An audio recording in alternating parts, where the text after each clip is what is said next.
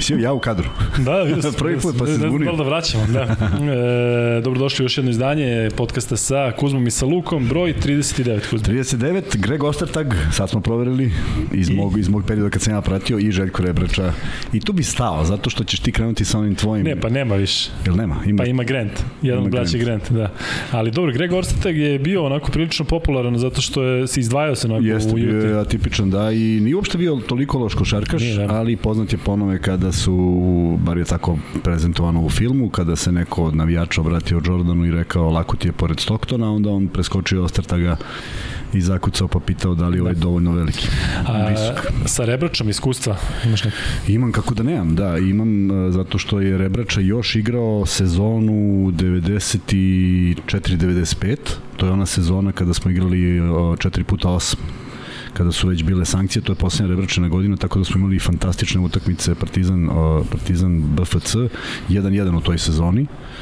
I igrali smo kup u Čačku, i promašio sam trojku za nerešeno. Partizan je pobedio tri razlike.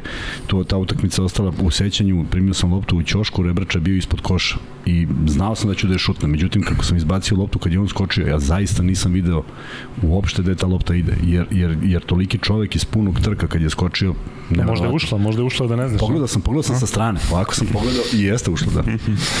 Dobro.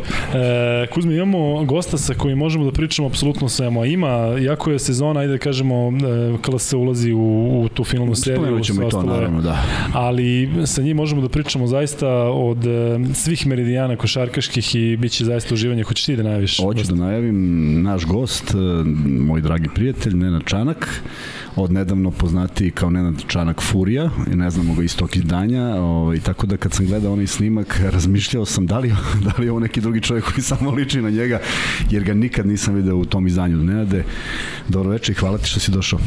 Dobro večer, hvala na pozivu. Ne, da moraš da znaš da smo mi ovde navijeli e, i da smo čak Da skočiš. podržali sve to. Čak znaš da smo ja, da sam ja rekao, pa da mi se onako neko zaleće, ja bi mo, morao bi da odreagujem. Reci mi, kako si se suzdržao kada je, je li ono bio, je li ono na kraju bio vlasnik e, Ritasa?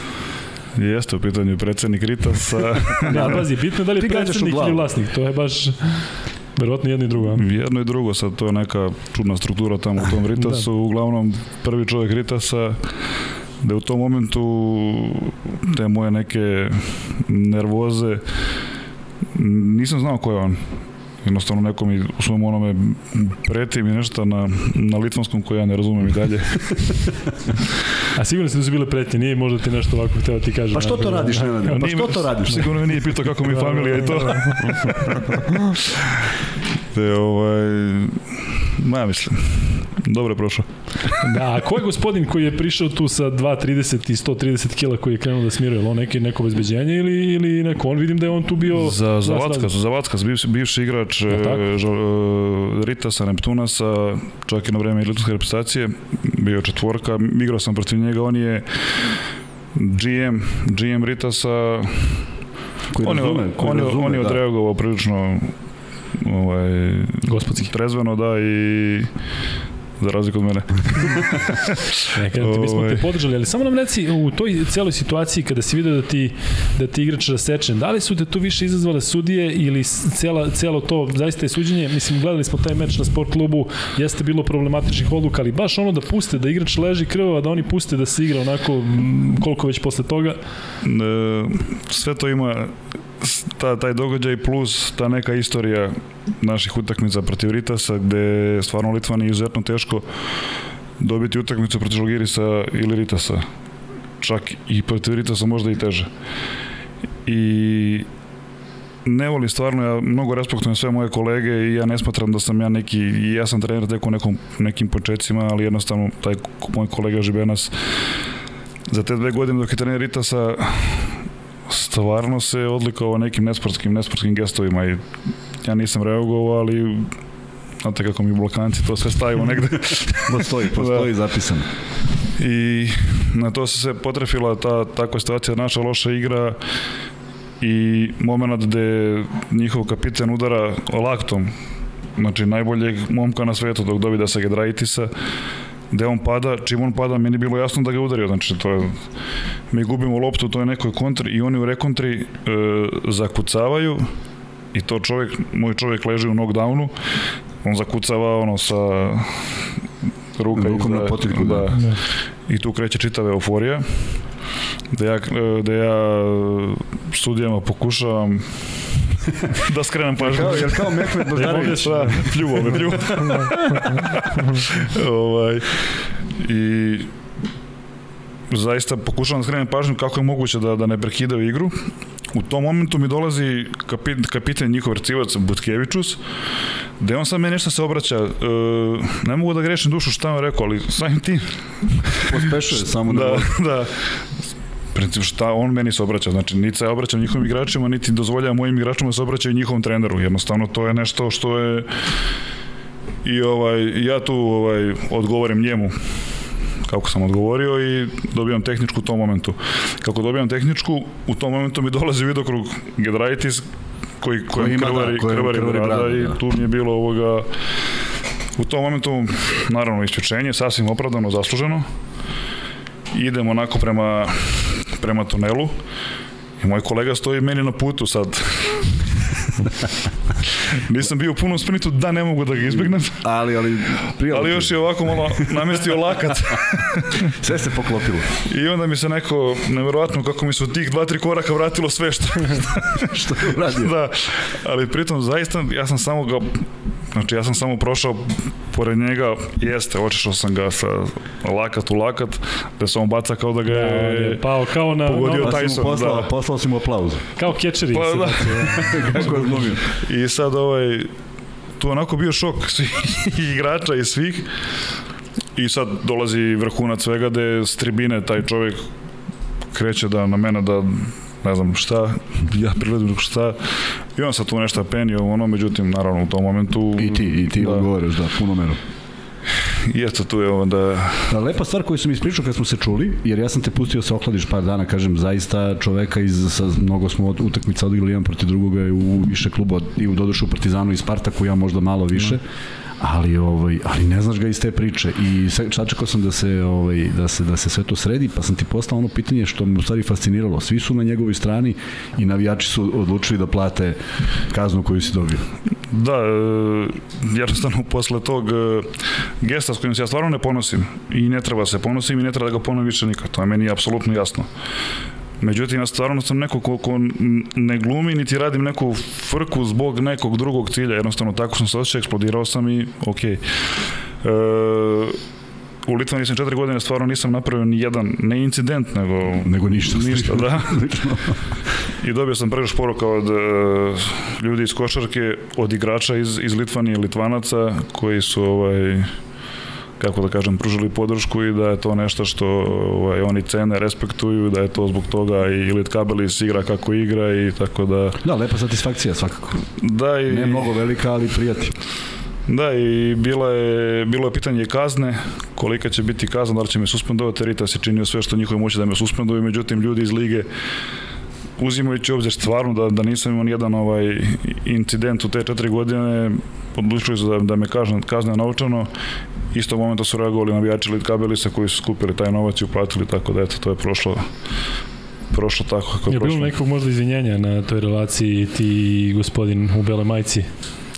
Na sledećoj utakmici u Panaveću su on je prišao i ovaj izvinuo se kao često emocije Dobro, to je, to je lep, le, da, lepa stvar. Tako, Zaista da. jesu emocije, Ali vjerojatno. držiš ti još negde to pozadnje. Da. Čera ćemo se još. Da, da. Ovo sad izlazi prevod na litvanski. Da, da, da, da, da, da, pa nego šta. E, Nenade, sezona Lijet Kabelisa, rekao bih, najbolje u istoriji, bez obzira na to što nije osvojen trofej, ali Eurocup, e, zatim domaći kup, e, svuda ste, svuda ste napravili neki rezultat i zaista sa tim izbacivanjem Žalgirisa, to je nekako, ja mislim, e, prosto neverovatno. To je kao da, da, da neko ovde izbaci Zvezdu ili Partizan u sve što se dešava u Žalgirisu i zbog cele sezone. E, nekako, da li, ti, da li ti delo da su se tvoji igrači možda tu previše izduvali u toj seriji koju ste tako dobili, da kažem, ubedljivo? Da, prvo, mora biti iskren. Znači, Letkabeli se nije najbolje ponovio rezultat iz sezone 2016-17. Međutim, 2016-17 bila je situacija gde su oni igrali polufinale kupa protiv namestilo se tako protiv nekog potpunog outsidera, izgubili finale. E, u prvenstvu su igrali protiv Ritasa, polufinale, koji u momentu polufinala daje otkaz svoj četvorici stranaca, zbog Calvin Hana, Gordon, e, ne mogu sad da setim ko je još ovaj igrao. Da, Gordon što igra za Partizan, Da, brat, i- drugor. Tako je. I zbog nekog novčanog izlaska i oni ljudi nisu igrali polufinale i samim tim kabeli se to dobio. Ove, za razliku od, od te sezone, ove sezone zaista smo sve uradili što je, Što je bilo moguće. što je bilo moguće. Kažem, što se tiče finala, ostaje žal da možda je meni neki nauk za, za ubuduće da jednostavno tu drugu i treću utakmicu odigrali apsolutno bez energije. Ne želim sad da, da ulazim u te neke trenerske alibi priče, ali stvarno smo bili ispovređivani, nismo bili u normalnom treningu dva, dva i po meseca, samo smo igrali utakmice i došli smo u nekoj situaciji na utakmicama, Kuzma, Kuzma apsolutno razume o čemu pričam, da zoveš neku akciju koju cele godine, međutim nisi igrao na treningu u intenzitetu 5 na 5 zato što ne možeš, 5 na 0 i 5 na 5 nije isto. Izgubili smo automatizam, izgubili smo te neke tajminge, što je za našu igru da nemamo individualni kvalitet, bog zna kakav, nego je mnogo bitan tajming, kako ćemo da, da execute offense Tako je, to nam je potrebno. Zato si došao.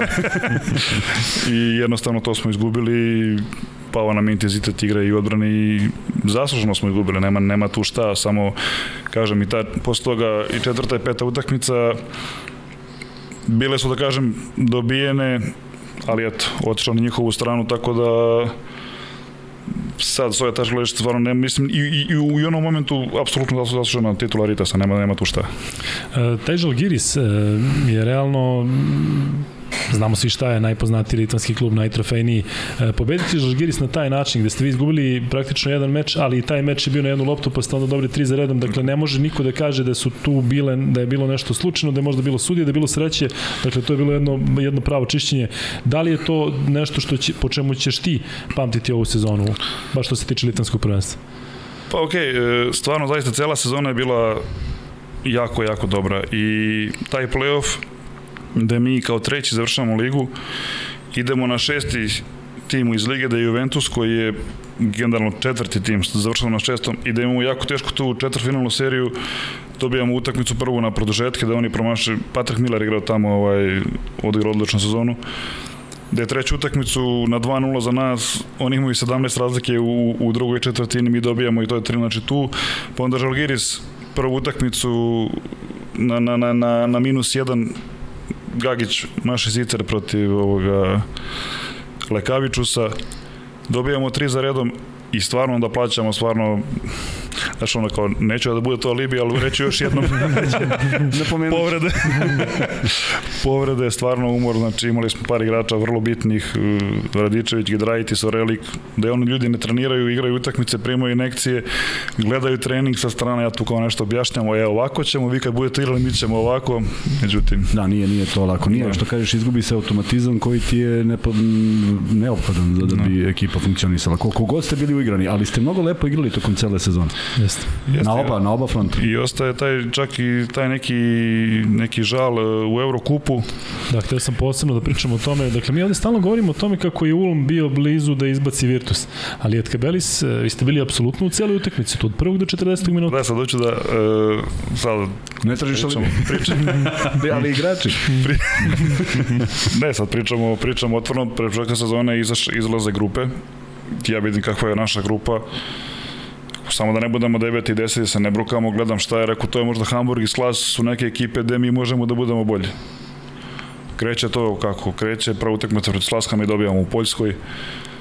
Lokomotiva nam na jednu loptu promašimo zadnji šut i, i međutim mi kako je kako ovaj takmičenje odmiče imamo sve više više pobeda i po, u jednom momentu pokušavamo se borimo za prenos domaćih terena u, u toj u narodnoj rundi ne uspevamo promašimo zica protiv ove Turk Telekoma, izgubimo kući, protiv metropo, Metropolitena zadnje kolo imamo osam razlike zadnju četvrtinu, izgubimo i završimo peti.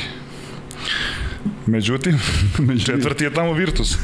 I na kraju dođe se toga, Virtus koji je najbolji, najbolji tim u Eurokupu, znači ispada isto, kao da sam bio osmi, oni prvi i to je to. Da. Znači pada u vodu sve to što si kao peti, Tako pa je, ću da. igrati protiv nekog, međutim igramo protiv Virtusa, ali moram da kažem da smo odigrali jednu stvarno mušku utakmicu u Bolonji da smo bili sve vreme u, u igri, ali jednostavno majstorstvo, majstorstvo, Teodosić, Šangelija, na kraju su prelomili Haket i To je to. Da, neko mi deluje da Lietkabelis možda imao i naj, e, tim sa najmanje tih nekih poznatih imena. Dakle, kada pogledamo sve timove e, i koliko sam ja pratio i koliko sam komentarisao utakmice, neko mi deluje da je e, možda jedini, jedina utakmica gde stvarno niste imali šanse ona protiv Lokomotive Kubanj Jeste, na strani. jeste, Dakle, to je jedina utakmica gde niste bili konkurentni. Sve ostalo je, ajde da kažem, bilo ili na jednu loptu ili je bio neki egal ili ste vodili. Tako da, generalno, e, ova sezona, rekao bih da, da, da ste jedni od e, najprijatnijih iznenađenja Evrokupa, ali ti te igrače sa njima si radio, su za tebe oni možda podigli na neki viši nivo ili za tebe ovo nešto što, Pa, što si mogao da, da To je očekuješ? sad ona priča kao uh, Litkabelis ima kontinuitet, ima istog trenera četiri godine. Ma mislim, ali nemam iste igrače, tako da džabe što, Što tu? što sam ja tu, da. a igrači se menjaju. Znači, ja za ove tri, četiri godine imao sam ovog Lipkevića sa Maldunosa koji sa mnom tri godine, čak i oni nisu bili te prve godine. Ovaj, Tako da što se tiče kao neki te zvučnosti imena, mislim s tim budžetom i ne može da dovedeš neka zvučna imena, tako da da kažem e, sad da li je to sreće ili kako taj Kalajdzakis je od nekog e, momka koji je došao kao brat Jorgosa Kalajdzakisa, slično To priča. mu je bila, to mu je bila preporuka. Goran i Zoran Đorović. I ovaj kao tu bio, bio je brat, poziciji brat. Ovaj, međutim, iz tog Nevežisa e, dođe kao od nas u Litkabelis e, pred kraj prošle sezone. Ja stvarno vidim u njemu telo, vidim onaj grčki, onaj želju za pobedom, ono, ono naše, ono, tako da e, i zadržimo ga za ovu sezonu stvarno odigra fenomenalnu sezonu. Na kraju play-offu verovatno malo Olimpijakos, Panathinaikos krenuli pozivi, malo je tu izgubio fokus, ali generalno razumljivo, nije- da, nije- mlad nije- momak, da. svim Grcima je želja kao i ovim igračima ovde, mislim, mladima da igraju u Zvezdi Partizanu, tako i njima Olimpijakos ili Panathinaikos. Tako da on je totalno otkrovenje uh, Oreli koji je fantastičan igrač, bio i reprezentativac, ima karijeru, Rita, Stofaš, Venecija, dve godine nije igrao, ovde se rehabilitovao, stvarno nije bio, nije bio on sporan kao, kao kvalitet, nego zbog tih povreda, ali opet mi smo pokušavali da ga sačuvamo, da ga sakrijemo, što bi rekao moj prijatelj u Oreli kako menja pravac kao autobus na okretnici, ne može teško ovaj, treba mu malo zaokret. ovaj, tako da Gagić je odigrao sezonu vrhunsku, Da, deluje da je ovo najbolja Gagićeva sezona još Da. od onih perioda kada ga pamtimo Da. u, u Partizanu. To um, se isto su se nekako sklopile kockice ili on sada zdrav pa je zaista i nekako u toj um, ekipi pronašao sebe kao lidera. Sećam se da se recimo u onom periodu u Turskoj prilično mučio i dosta je oscilacija bilo, nekako deluje da mu je ovo sredina u kojoj, u kojoj uživa. Jel zaista tako i, i iz tvog ugla koji ga najbolje poznaš? Pa ne, nećemo sad o Pa tome. jeste, zdravije, zdravije. ne, igrao je stvarno, a mislim, sad se ne pravim ja mnogo pametan, jednostavno za takvog igrača mora prilaguješ igru, ako, je on, ako imaš na njega terenu igraš tu low post igru, ne može on da brani pik i da u napadu on trči u pik čovjek 130 kila, znači nije realno i malo je on bio fokusiran na košarku, pa na veći mali grad, nema tu sad Mnogo šta se radi. Da, da, da, da. Tako da stvarno odiglo odličnu zonu, bio jedan od lidera naših. Žao mi je što se Radičević povredio kada je igrao fantastičnu košarku. Posle toga sve bilo mučenje za njega, ali svaka mu čast što je izdržao sve, ali mislim da je mogo da, da, je, da je ostao u onom ritmu kao što igra na primjer protiv Juventusa, da protiv Badalona ima double-double, znači asistencije, poeni da smo mi dobili Juventus 15 razlike u Paneveži su. Tako da jedna ekipa da kažem, anonimusa, ali fantastična hemija između njih, neverovatno, nisam video to, ovaj, bio sam igrač i stvarno ja uvek mogu da se hvalim sa našom atmosferom i u, u Spartaku, u Subotice, ali ovo je nešto fant, stvarno fantazija i mislim da je to bio možda i najveći adut naš. Ima ako uzmeš dva pitanja za Litvansku ligu, cepaj, pa da. ti onda, onda ćemo da krenemo na Juba ligu i ostalo. Ali um, Kakva je situacija sada i kakav je plan za sledeću sezonu? Ti si otprilike otkrio da će neki igrači ostati. Da li, danas je izašlo, izašlo su i mene ekipa koja će igrati u Evrokupu, neko delo da će Evrokup možda biti malo i slabiji s obzirom na to da neće igrati Virtus i Valencija, a da ćemo imati, da ćemo imati London, imaćemo Promete i ne znam kako će da igra Promete kad su se oni raspustili, ne znam ni gde će fizički da igraju. London je u Evrokupu. London Lions, da. To je nekada, nekada London Towers i danas London Lions. Tako da imaćemo još nekoliko, ajde da kažem, tih novih svežih imena ali uh, Lijet Kabeli sada kao, ajde da kažemo, standardan član Evrokupa u istom ovakvom formatu, da li je cilj da se ode bar korak dalje, da, da, da se uđe u, u, u top 8? To se pitanje za mene kao potencijalnog trenera, Bulje Kabeli se... kao potencijalnog. Ma ne znam, e, generalno što se mene, mene e, lit, e, situacije trenutno tiče, na današnji dan evo, čekam da krenemo u te neke možda završene pregovore sa, sa, sa ljudima iz Letka Belisa. E, ako ja budem trener, sigurno ću da da napravimo, da, da, da, pre, da, da sebi zadamo neke opet najviše ciljeve, jednostavno tako tako funkcionišem i, i mislim da je moj, to moj najveći uspeh u Letkabelisu za što se zove četiri godine od neke ekipe gde je bilo svejedno, nije bilo svejedno, ali generalno bez nekih ambicija, ok, ućemo u play-off, četiri finala vidjet ćemo u Litvanskoj ligi, gde smo došli do tog nivoa da, da igramo svaku utakmicu, dobijemo i na kraju je to rezultiralo ovoga, ove godine sa dva finala. Et. E, Tako da što se tiče Litkabeli sa Eurokupa, pričam ako ja budem trener, sigurno ćemo probati da ponovimo taj uspeh, ako možemo i, i, i korak više. E, koliko je cijela situacija ova oko Ukrajine? Znamo da je, da je Litvanija deo gde znamo šta se dešavalo između Zvezde i, i Žalgirisa. Da li je to nekako uticalo na sve i da li se nekako, da li su se osetile tenzije u vazduhu tokom, tokom celog ovog perioda koliko već ima sada tri meseca? Jesu, jesu, moram biti iskren. E, isto tako moram reći da ljudi iz kluba su uradili apsolutno sve da zaštite nas, Srbe, u, u Paneveži su. Verovatno su imali neki pritisak i oni trojica Srba u Litvani u tom momentu gde Uh, ok, ja sam već četvrta godina i malo, malo je to drugačije što se mene tiče, ali uh, ljudi u Litvani ne mu kažem veću nas sa, sa Rusima, ali blizu. Smatraju da smo na njihovoj strani e, iz nekog neznanja istorije ili kao što naši ljudi ne znaju istoriju odnosa između Litvanije i, i, Rusije, tog nekog litvanskog poljskog kraljevstva, pre sad igram slučaja što sam bio tamo pa, sam, pa, pa i to znam. Tako da ljudi koji, koji ne ulaze u, u, u dublje u problem, vrlo su skloni nekim nekim osudama, predrasudama, a vi ste isti koji Rusi, tako da bilo je par nekih situacija, međutim na kraju krajeva i to kad je bilo mi postavljeno pitanje na konferenciji za štampu da li ovaj kad je bio taj incident da li sam čuo skandiranje FU Srbija? Nisam čuo stvarno nisam čuo da li bilo nisam čuo ništa verovatno. Da da da da, da. tako da Velika, velika antiruska histerija, e, fobija, da li s razlogom ili nije s razlogom, lako nam odavde da, da. da studijemo da li tako treba, ne treba, oni ljudi znaju zašto Imaju je to tako. Stav, da. da.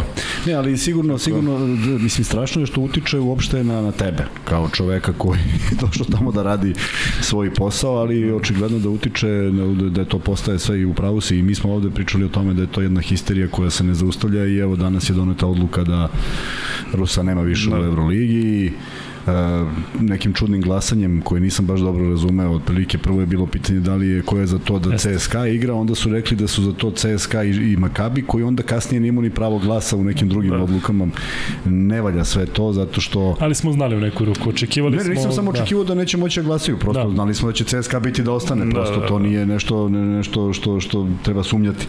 Ali ovaj, e, mislim da se neće zaustaviti i mi pričamo, mi smo pričali pre par meseci da li će to trajati ovu godinu, kako stvari stoje pitanje koliko dugo će trajati, što je veliki problem za košarku pre svega, jer e, ne možemo zanemarimo činjenicu šta je Rusija značila u košarkaškim krugovima i da. koji su novac doneli na, na, u košarku, koje su igrači imali, koje su uspehe napravili i to je jedna velika tragedija, tako da Ali vidiš, ni mi nismo razmišljali o tome.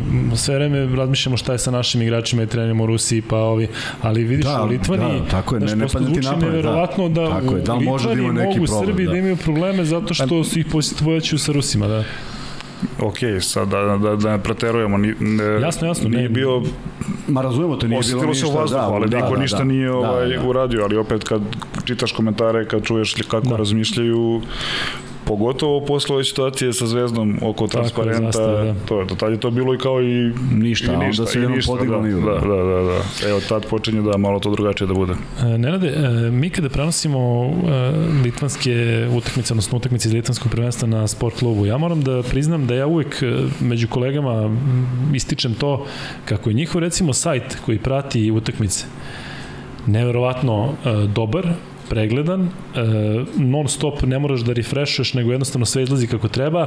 E, vidimo da, da, da je zaista dobra organizacija. Ima tih nekih specifičnih stvari koje su drugačije, recimo kada e, sudije imaju video ček, one odu negde u ćošeke, to je tako u svim duranama, ja koliko sam radio, oni jednom se odu, znaš kako to, znači video ček, da, i odu sada da. u dijagonalu tamo i imaju tamo svoje neki stočice, imaju ne znam var, da je to zbog var. korone ili šta je. Da, da, tako, tako u svim dvoranama. I to potre, da. ali kažem ti, recimo, i ček sam, kada smo radili uh, kup uh, Mindaugasa, Kralja Mindugasa, sećam se, razmišljam sada kad radimo tako neke kupove, pa ne možeš da nađeš ništa, pa ne znaš ni, ni, ni, ni sastav, ništa, ma sve pod konec. Dakle, sa strane, na sajtu ima. Samo mi reci, da li je zaista liga tako organizovana besprekorno kao što ima recimo i praćenje, praćenje utakmice? Stvarno, liga je bez greške.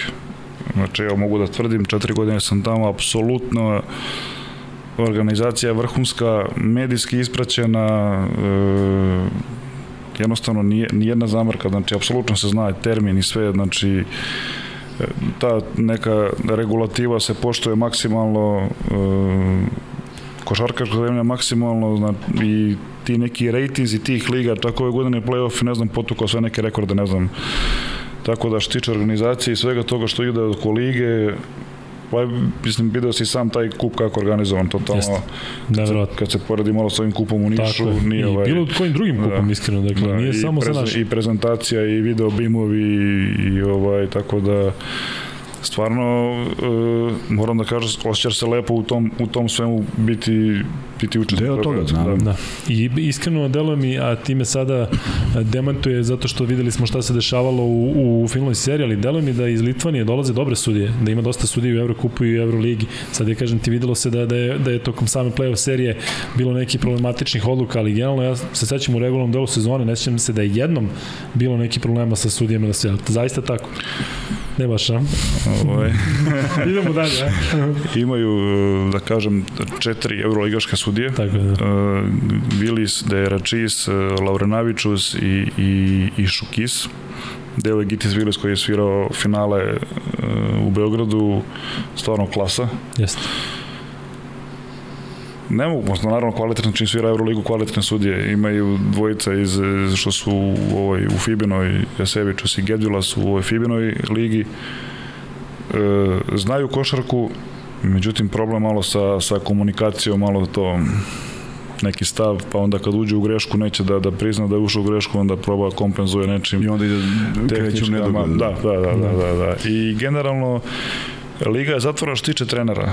E, ja sam tu kao nešto, ne znam, pao s Marsa, međutim, isti treneri se vrte. Ćučuć Žalgiris, Rita Sajde, ovi ostalih devet klubova, Samo rotiraju. Samo rotiraju, bravo. I oni znaju, oni imaju neke svoje ovaj, da relacije s tim sudijama. Tako je, a ti ulaziš, a ja znam, treba da, da, da napraviš da, relaciju. Da, da, da. On je plavi, mladi, kako se zove sudija? Baš plav, plav, žut. Račist, Račist, da. Olis Račist. On je Litvanac, švedski pasoš i ovaj međutim sad je počeo ove godine svira i, i Litvansku ligu. Za njega nešto pričaju da je, da je bilo problema na ovom Adidas Next Generationu. A, ne da je Litvanac problematičan, sad ne znam, on dečko deluje kao da ima 19 godina, a vidim da je već, već neko vreme da. tu. E, dobro, i e, Kuzma sad možeš ti da preozmeš on delo, ali moram prvo da kažem da smo dobili mnogo, mnogo poruka, pozdrava, pitanja i sve, to ćemo, to ćemo kasnije, da. ali nešto što moram da pročitam je od Sagata 89, Pakal Besime, Daug i Jau. Znači, ćerat ćemo se još na litvanskom. je, to, je to istina? Ne znam da sam ja pre paklave sime, dao go wow. Morat ćemo da, da pogledamo šta je. Dobro.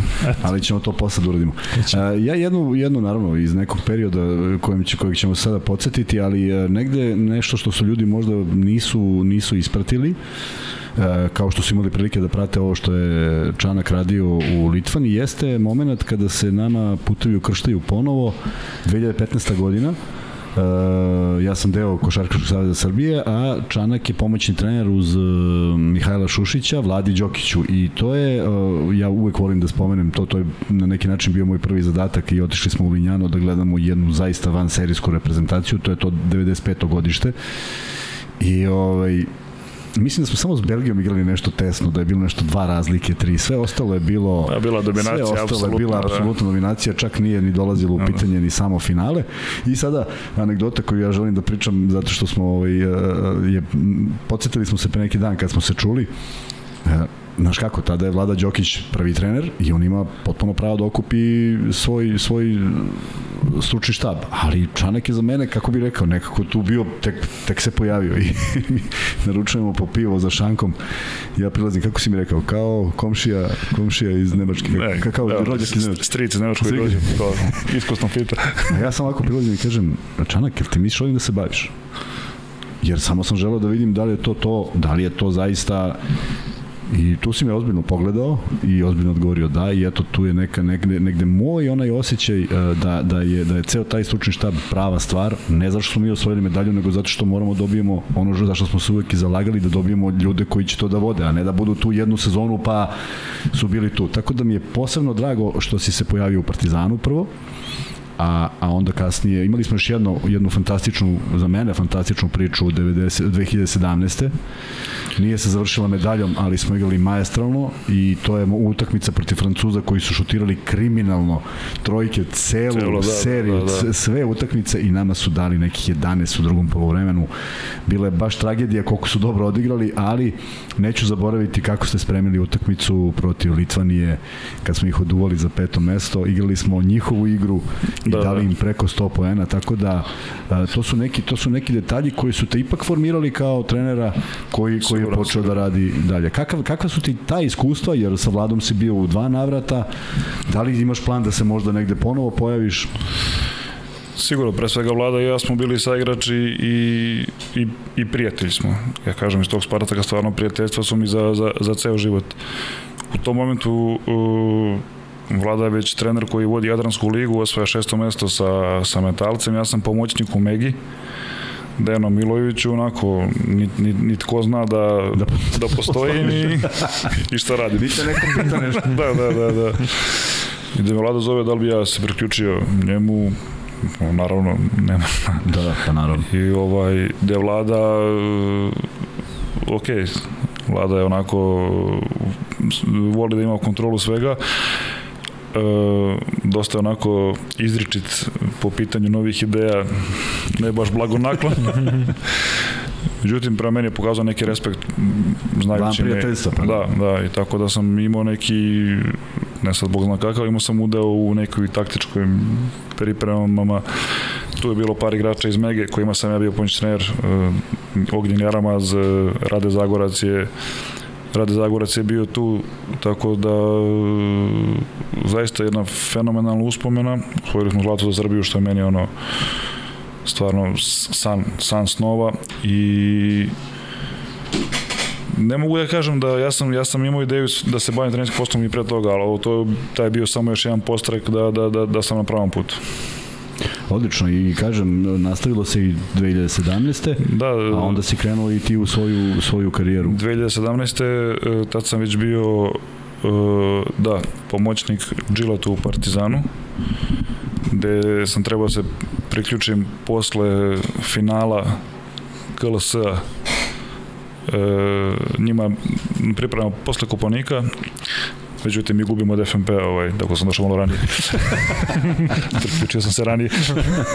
Neplanirano. Da, i kažem, taj napravljena, mi smo izgubili jednu utakmicu u ta dva, u ta dva ciklusa protiv Francuza za četiri finale. Tako je, tako je. E, to je sve ostalo smo, sve ostalo smo dobili, a pogotovo je bila ta dominantna ta generacija 95 i Gudurić MVP, e, Jaramaz, Zagorac, Rebić, Rebić, Apić, Apić, Davidovac. Davidovac, Davidovac koji je se tad već ovoga... Šalić i Kaplanović su igrali najmanje. Oni su bili 11 i 12. Boža Babović, da. Da, tako je. A nismo imali, nismo imali Ristića Smo imali Jokića i i Ristića. Jokića. Tako je.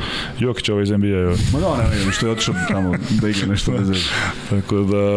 Da, neverovatno da su svi Stvarno- 95. I posle toga nijedna generacija nije mogla da se izabere samo od, od jednog godišta. I to je vrlo redko u stvari bilo da možeš da izabereš Da, takvu da, generaciju. već, već sledeće, taj e, 2017. igralo se u Grčkoj, da je to bilo 97. ali bilo dosta igrača 98. Mi smo pravili, da, kombinaciju 7-8, Simanić, tako je, tako je. e, Musić, Morao si da podmladiš malo. da, ovaj Glišić koji je bio tako da A bila je opet dobra, opet dobra, dobra generacija. I šteta izmaklo je za tu jednu utakmicu. A što, što ne mogu da shvate, kad se ti vratiš bez medalje, to ne znači da si ti izgubio ne znam koliko Da, utakmica. jedan. Ali može da bude ta jedna ključna ali pogotovo, pogotovo u ovome, ja, ja zaista ne razumem ovaj FIBIN sistem takmičenja u mlađim kategorijama. Znači, neverovatno, imaš, e, tako je. grupe od, od četiri igraš svako sa svakim i svi prolaze. I svi prolaze. Pa čemu onda da. služi uopšte ta grupa? Da, i sad se dešava se ko što se desilo Oliveru Popoviću da izgubi protiv Velike Britanije posle tri pobjede u grupi, igra sa Britanijom koja ima nula pobjeda, Tako je. izgubi i odlazi tamo od Tako, i raspada do... se sve, Da. i raspada se sve. Ali vidiš šta je interesantno, ja sam tada zaista, a ne mu kažem zloupotrebio, nego upotrebio svoje pravo čoveka koji je bio tim menadžer. Ja sam toliko bio dosadan na tim sastancima i verovatno su me zapamtili. Meni je prišla neka glavna tamo koordinatorka i rekla, kaže, vi imate vrlo konkretno pitanje. Pa valjda smo se zato i okupili. Pitanje mi je bilo, zašto ne ispada jedan? Je znaš koji je odgovor? Pa u tom slučaju šest utakmica je malo, a ovo kad bi se pravio neki dvokružni, onda je devet mnogo. Slušaj odgovor koji nema neke ne, ne utemelja ni o čemu. I ono što me izluđivalo i što se nama povredio Simanić, što je ta dvorana kraća, ta u, ta u, na kritu. Da, da, da, da. I koševi nisu regularne konstrukcije Fibine, nego su kraće. I, I za to sam negodovao, jer sam ja već 2015. prvo takmičenje Bućanovo je bilo svetsko prvenstvo u istoj dvorani. U da, da, da. I isto sam dao primetbu da će neko da se povredi i sećaš se Simanić pred utakmicu sa Francuzima iskrene zglob, zakucao i samo se malo više zaneo. Tako da tu su neke neobjašnjene stvari, ali mislim da je on ima druženje, druženje na lepom mestu. Pazi, mi smo bili u božanstvenom hotelu koji izlazi na, vo, na, na more. I sad znamo šta će da se desi i sećam se, ja sedim na svojoj terasi, puštam poruku Đokiću i kažem, jel vidiš? On kaže, vidim. A ti vidiš samo crne senke naših igrača koji se polako...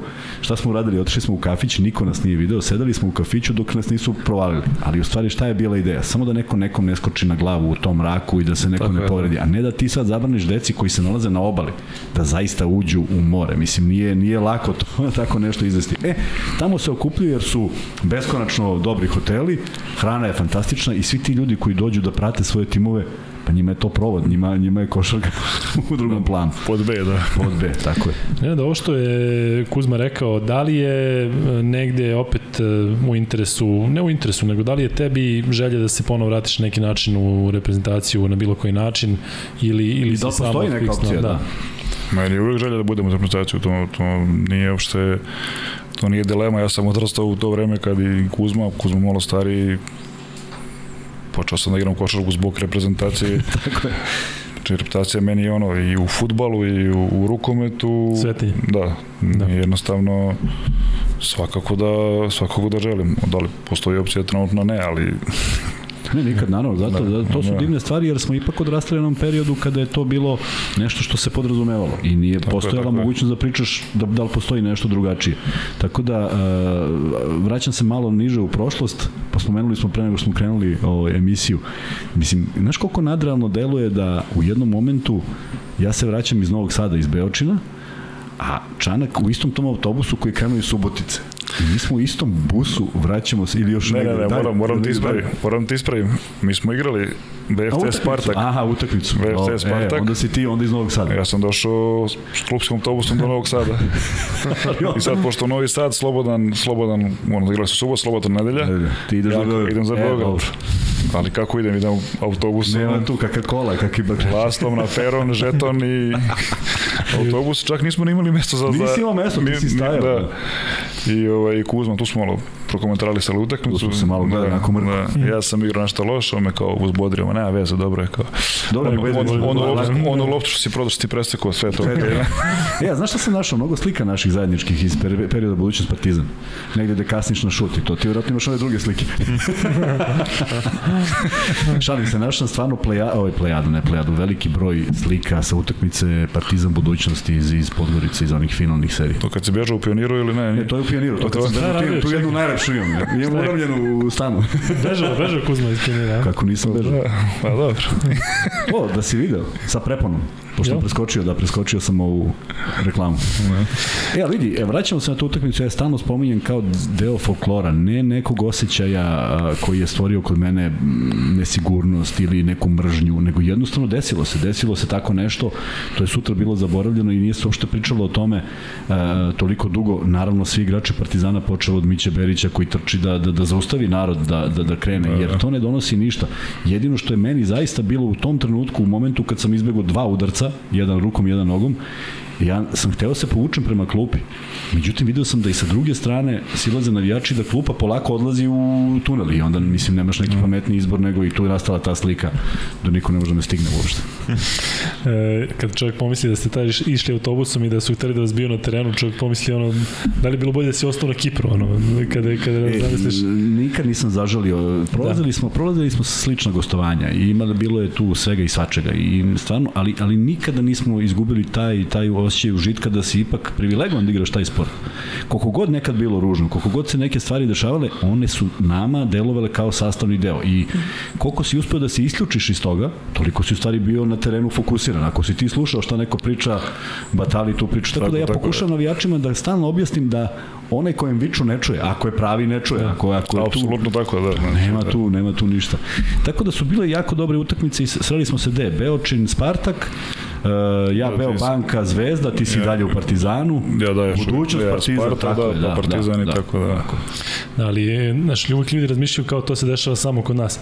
Ti si nenad igrao u Makedonikosu, ja verujem da je tamo ovaj, još, još, e, još nezgodnije. Sad ćemo sa Makedonikosa, je li tako? Je tamo beše može da Makedonikos, se... naj, da, naj, U Grotlonom, je li tako? najupečatljivija scena, znači Kozani to je malo mesto, znači ja sam već ono pričao da je, ja preletim sad u taj Makedonikos, da meni Miško predstavlja ovaj, ma kao ok, super je, trener te hoće, onako para korektno za, za, za, za to vreme.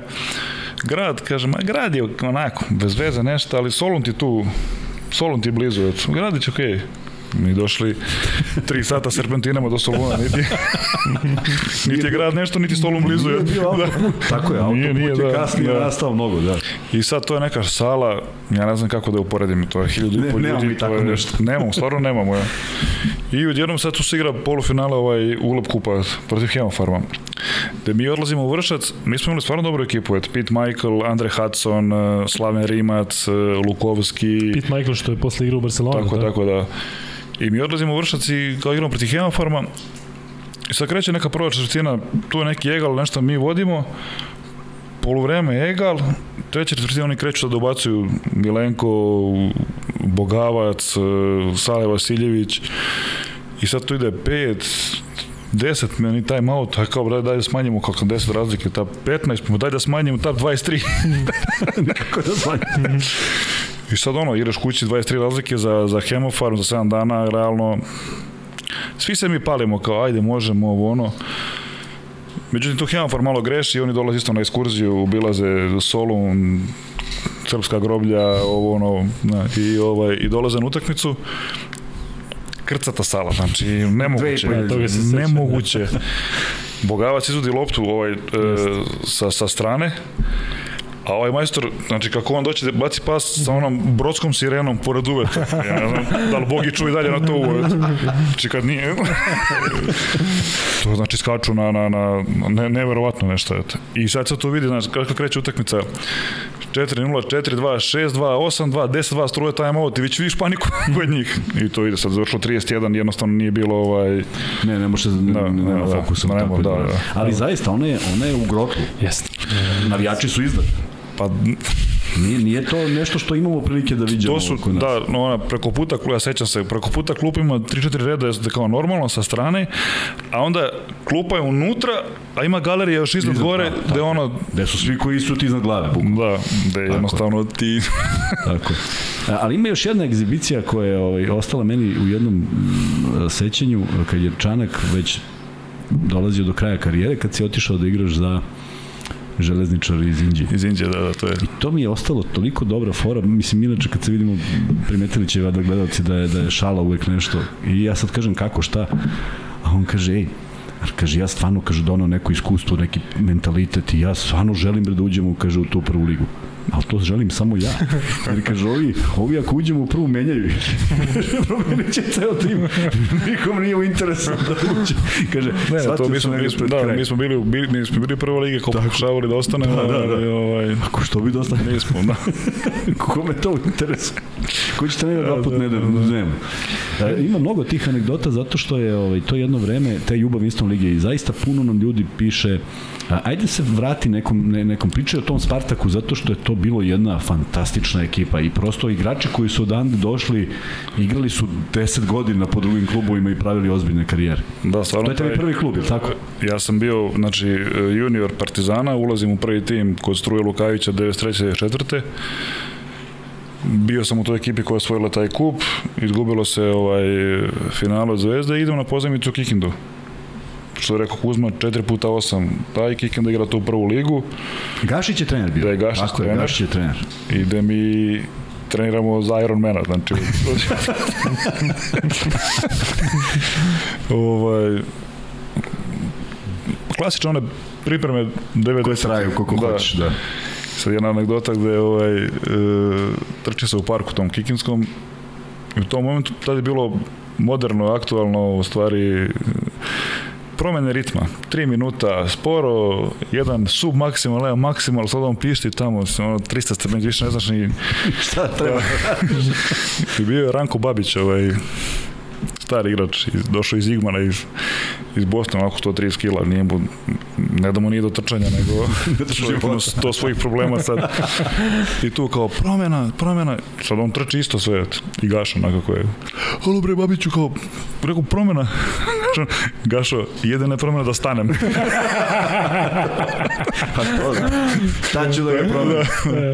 Tako da i posle te sezone u Kikindi stvarno taj Spartak je dovodio iz, iz cele Vojvodine, da kažem, perspektivne, perspektivne igrače i nisam imao neku bog zna kakvu sezonu tamo. Igrao sam korektno klinac kod Gaša ono, igra i odbranu, stvarno trenirali smo, baš smo trenirali ludački individualno, jedno, ja jesam mnogo napredovao, ali nije sad to kroz brojke ti da vidiš. Međutim, to je Emil Čabarka, pa pre svega iz, iz, iz Subotice. Prepoznao, otišao sam u, u Suboticu kao neki, da kažem, vrlo, vrlo su oni to studio radili. Prve godine sam bio planiran da budem backup i posle da, i tako je bilo. Prve godine bio je Dragan Marković na mojoj poziciji, Rajko Toroman je u tom momentu video i da ja mogu da igram na poziciji 4, bio je Dejan Mišković, tako sam ja to menjao malo Miškovića, Markovića, Mišković koji je tad igrao fenomenalno. Savršeno, Da, tada su NBA scouti dolazili, je tako? prvi, Da, on, je, on, je, on je da. prvi čovek, Miško, Miško je prvi čovek po kojeg su došli ovoga iz Toronta, sećam se. Stvarno je ono bilo ne- nenormalno. I sledeće godine Miško odlazi u, u Zvezdu. U Zvezdu, jeste. Da, i tu ja isplivam na poziciji 4, više i trener je sledeće godine bio Boban Lukić. I ostaje taj kostor ekipe Vlada Đokić, Dragan Aleksić, Blago Ivić, e, Dragan Marković, Milorad Kmezić, subotička legenda Da. Ovaj, moj kum Jovo Sirovina, ja i tako da stvarno to, to je neka e, živimo u Subotici mi nemamo kola da sad idemo za Beograd svaki, svaki čas, slobodno vreme smo u Subotici nemamo mobilne da se nešto dogovara, znamo gde smo eto, Tako je, pa nađeš ga, tamo da, u da. festu, tu se nalazimo i tako da stvarno Živjeli To ste, vreme. da, i kao, kao imali ste Da, hemiju baš zbog da. toga. Da. Tako da, mada i pre, i pre mene je bilo igrača koji su bili Kotor, ja nisam igrao s Kotorom, Oliver Popović je bio, ovoga nisam igrao s njim, Boban Jaramazović koji je prestao da, da igra stvarno, Finac, Finac je postavio te neke temelje i, i, i na tom talasu je Spartak bio skroz do, do, do kraja 90-ih, znači do 2000-te, stvarno vrlo respektabilan. I uvek, I uvek hoću da kažem, kada neko od ovih velikih izgubi u Subotici, to stvarno nije bio kiks to je bilo okej, okay. Pa ako dobiju, bile, da. ako dobiju, e onda su napravili neki ovaj Tako je. korak da nije bilo više, lako dobiti. Da. Nenade, kada pogledaš tu uh, svoju karijeru, ajde da se uh, okrenemo samo kada si igrao u Srbiji i, i generalno u regionu. Da li ima neki trofej koji se izdvaja? Ako se ne vram, ti si dva puta osvajao Winston Juba ligu, tako? Da, sa Partizanom. Sa partizanom da. Nekoliko puta kupili. Ima neka sezona koja je posebna sama po sebi i po, i po trofejima i ovako generalno Pa ja sam uvijek, e, da kažem, nekako emotivno vezan te sezone u Spartaku i bila ta sezona da sam bio prvi strelac lige, u stvari s Vladom Petrovićem, tu prvi, drugi ovaj, da smo stvarno igrali vrhunsku, mislim, vrhunsku košavu, vrhunsku u smislu rezultata za Spartak tada. Međutim, to je bila godina bombardovanja i posle završilo se kako se završilo. Da, bez play-offa, da. završili smo ligaški deo.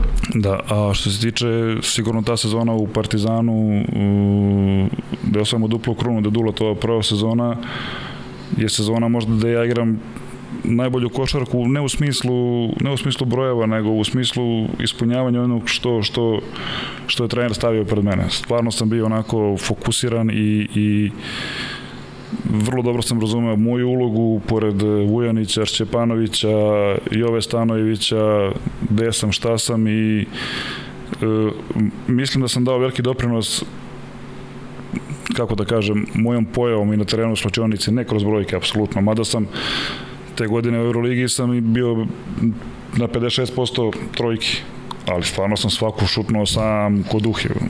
Dobro, ali to je period kada se četvorke, kada je generalno četvorke... Tad sam, tad sam kod Uleta bio na tri, Stevan Načvi se bio povredio, Vesa ima neki problem, tako sam bio na tri, ali ma uvek pod, stani pod dijagonali sam od Jove i ovaj čekaj. I čekaj, da, da, da. da. E, moment tvog pojavljivanja i Miškovićev u stvari, to je bio taj, taj neka, ta neka prekretnica. On je možda bio prvi igrač, visoki igrač koji je mogao da šutira i to ne mogao da šutira, nego nije promašivo. To I, takav i, dobro, i Milenko. E, dolazi posle. Milenko je u profi kolor imao drugu ulogu. On u BFC da, dobija da, tu da, novu ulogu. Da, da, da. Onda se pojavljuje da svaki tim Svaki tim mora da ima tako neko. Ej, znaš ti koja je to širina bila u igri? Pa ne možeš da ostaviš bukvalno ni jednom. Zato ja kad pričam sa, sa emocijama o, o nadam se da deliš moje mišljenje, nigde nisi otišao, čak i u Partizanu kad si bio u toj ljubav Winston ligi da ćeš da pobediš negde sigurno. To apsolutno nije bilo da se podrazumeva. Govorimo o Spartaku, ali govorimo i o jedan period o Rumi, govorimo o jedan period o Leskovcu gde su imali Žuću, Pavkovića i još par igrača koji znaju da igraju, ali igraju savršeno. Prema tome, posle se pojavljuje i Hemofar, Hemofar kao ozbiljan mm, klub. Mm, Tako da, to su zaista bila, bila, bila utakmice nikako ni podaštavanje protivnika, jedan respekt, odlaziš da pobediš, ali ako ne pobediš, to kaže Čanak, nije kiks, nego je jednostavno taj, da, taj bio da, bolji. Da. da. E, Vanja, kažu da se Kuzmi, Kuzma malo slabije čuje, to piše u komentarima i nam da samo malo priđe mikrofonu, to kažu. Što se ovaj- slabije čujem, šta je? Ne, ne znam, e, bio je jedan, bio jedan komentar da, da se Kuzma slabije čuje, pa samo obrati pažnju. Može čovjek, može čovjek ne čuje. Mislim da, da ne radi njemu kompjuter. Možda mu ispao slušnja para. E, evo, da, i to kaže naš Milan Bršanac iz Čikaga. Milan dakle, kaže. Da, da. Milan, evo, da, sad bolje. O, Odgovori moment, momentom. Moram da sačekam. e, radi, sada da pređemo na taj tvoj period e, kada si već krenuo u trenersku karijeru, dakle prve tri ili četiri godine si bio u Megi, tako?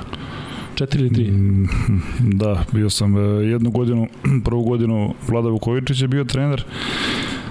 Počeli smo, međutim Vlada posle dva kola odlazi u, u, u Zvezdu, a KLS još nije počeo. Dejan Milović uzima i onda sam bio sa Dejanom, znači tu KLS sezonu. Ili moram, moram ovako, onda sledeće godine ABA ligu još jednu. Znači bio sam tri godine, da da, tri godine pomoćnik Dejanu Milojeviću, tu četvrtu godinu odlazim da radim sa, sa kadetima Julirima Mege. E, vrlo talentovana isto generacija, Goga, Goga Bitadze, e, Pecarski, Nikola Mišković, e, mali Uroš, Uroš Trifunović je bio, bio tu isto i posle toga na poziv Džikića odlazim u Partizan i bio sam pomoćni godinu i po, znači Džilatu u Partizanu. A kada pogledaš taj, taj period u Megi, zaista si radio sa nevjerovatnim uh, igračima i eto, odmah se nameće to pitanje Jokić i Jokić je došao praktično u nekom istom periodu kao i ti, je tako? On je sa 17 godina došao, ako se ne varam, i to bi trebalo da, ta sezona 12-13. Jokić je došao 12-13, tako je, uh, pred novu godinu, tačno sećam i tog treninga, uh, Dejan je u tom momentu bio sa reprezentacijom lige u Znaš da se igrala utakmica. Igrala se sa Republikom Srpskom. Srpskom tako je. Da. Dejan je bio svake godine u štabu, u decembru, da, nešto. u štabu ovoga KLS-a i taj trening sam ja vodio kad se Jokić prvi put pojavio. I kažeš, ovaj će biti. Eto da, ono, Jokić je ono, prvi trening profesionalni. ne, ne, tu odmah Ćosak uzao Tu sam ga naučio sve. Da, da. One, da, posle, posle su ga, samo su ga, znaš, usmeravali. Da, da, pa da, to je taj da, trening. Tako da, ovaj, da, Joka je bio tu s nama, ovaj, a mislim, to je već sve sve ispričano, nema ja tu šta mnogo da, da, da, da dodam. Vrlo sam srećan, Djoka je jedan fenomenalan momak, vrlo sam srećan od njegovog uspeha. Tako da... Jel se razlikovao već tada? Jel se videlo taj njegov već, da kažeš, prvi trening, ali kada ste radili, jel se videlo da on ima, ajde da kažemo, taj neki radar drugačiji od... od, od, od pa dobro, sad šta ja, šta, šta god sad kažem, sada bit će onako da, malo da, deplasirano. Da, trebalo da radimo ali, koliko, ovaj, 2012. Da, da, da, da, Tako da videlo se, stvarno se videlo, ali sad opet... Ali on je stvarno tada imao mnogo kilograma više, tako? Ti si vidio. ali on imao kilograma više, nego jednostavno bio fizički... Nespreman da, da, da, da, da, da odgovori tome. On je, ono, i stvarno vrhunski, vrhunski posao su napravili i Dejan i i Miško i Ćosa, ne znam sad, neću da ulazim koja je čija ideja bila, ali generalno vrhunski posao su napravili, malo ga skloni, sklonili sa strane, pripremili ga i postepeno ga, postepeno uvodili u, u, u taj sistem. Tako da... A kada pogledaš sada Dejan Milović u NBA ligi, evo, ove noći se praktično bori za prsten, je ti nekako drago e, kada ga vidiš tamo e, i da li sebe vidiš možda u nekoj toj priči NBA ligi da možda vremenom prođeš taj put koji mora da se prođe kroz neki, nekog pomoćnog Pošto znamo da pratiš NBA ligu. Ovisi kako meni je drago, stvarno zbog Dejana, Dejan je jedan od najkvalitetnijih uh, ljudi u košarci uopšte, već to nasmejan, nikad, nikad nijedna skrivena loša namera, jednostavno ti po njemu vidiš šta ti misli, stvarno Dejan je jedan stvarno ponavlja opet jedan naj, najkvalitetnijih ljudi u našoj košarci i izuzetno mi drago, on je uvek želeo da ide tim putem i zaista mi je drago što je to postigao, apsolutno je zaslužio masu stvari. Koristim ja sada što sam video od njega kako se on obhodi prema igračima, prema koliko je to bitno, koliko je to koliko ne treba biti uvek konvencionalan i, i one kao trenerske floskole, koliko je bio otvoren, neposredan s igračima, to ja pokušavam da radim sada i, i, i mogu da kažem da, da daje rezultate, tako da što se tiče NBA ja stvarno nemam, nemam, te, nemam te ambicije, e, ne vidim sebe tamo, mm, jednostavno to neka, za mene još uvek neka drugi sport, nekako drugo poimanje igre, kolektiva i svega, ja moram da kažem da sam ipak još uvijek onaj Old school, old school, pa. old school, da. Vidiš, uživaš, danas ima uživaš još, kako da ne uživam.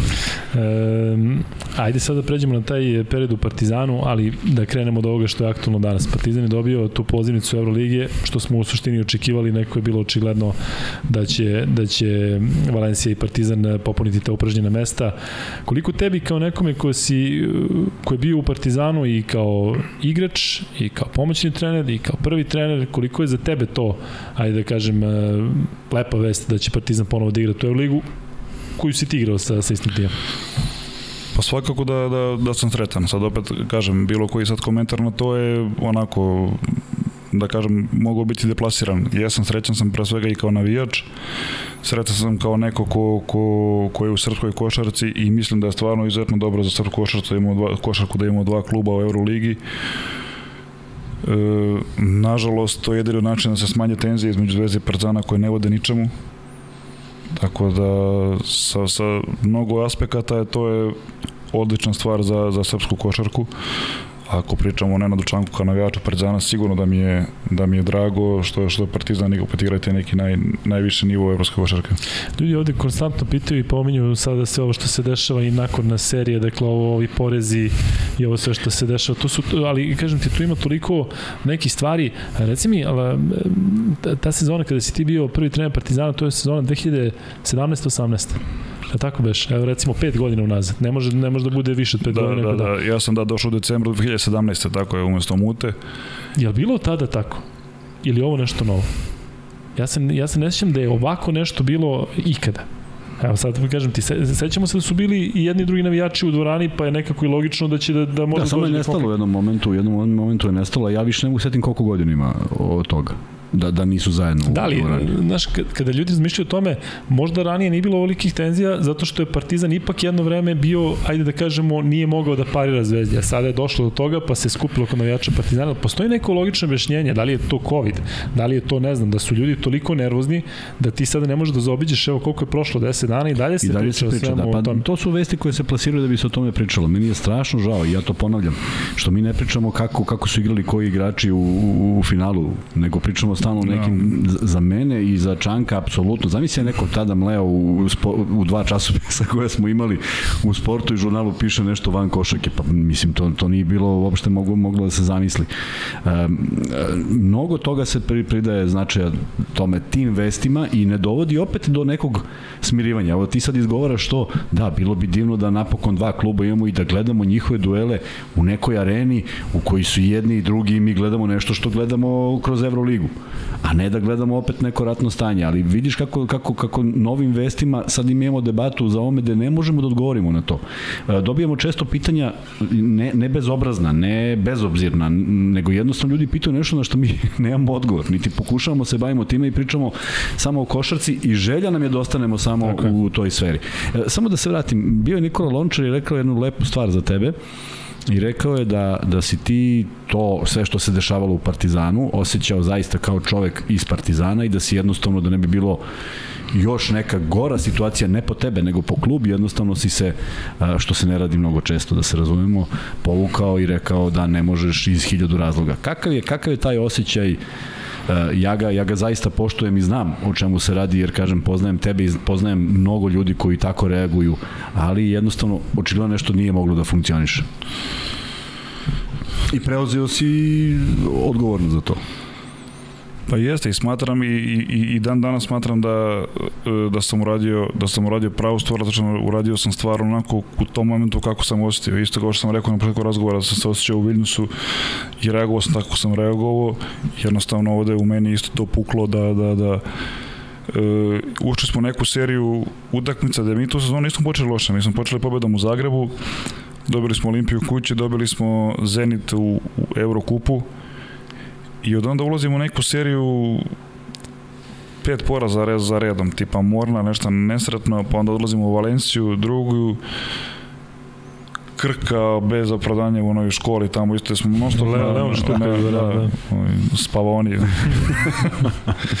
onda Asvel, Asvel, Asvel kući, što isto nije neki sad, ono, tragedija i dolazi vrhunac kulminacija te utakmice Zadrom u areni gde sam ja bio stvarno ubeđen da mi treba jedna utakmica da, da to, da se samo preokrene da to okrene, sve, da. da utakmica kreće neka prva 40 za nas, međutim momentu totalni, totalni fijasko, ja stvarno u tom momentu niti vidim načina da mogu da, da, da promenim nešto, kreće to skandiranje navijača, što mene kao velikog partizana stvarno još, još više pogodilo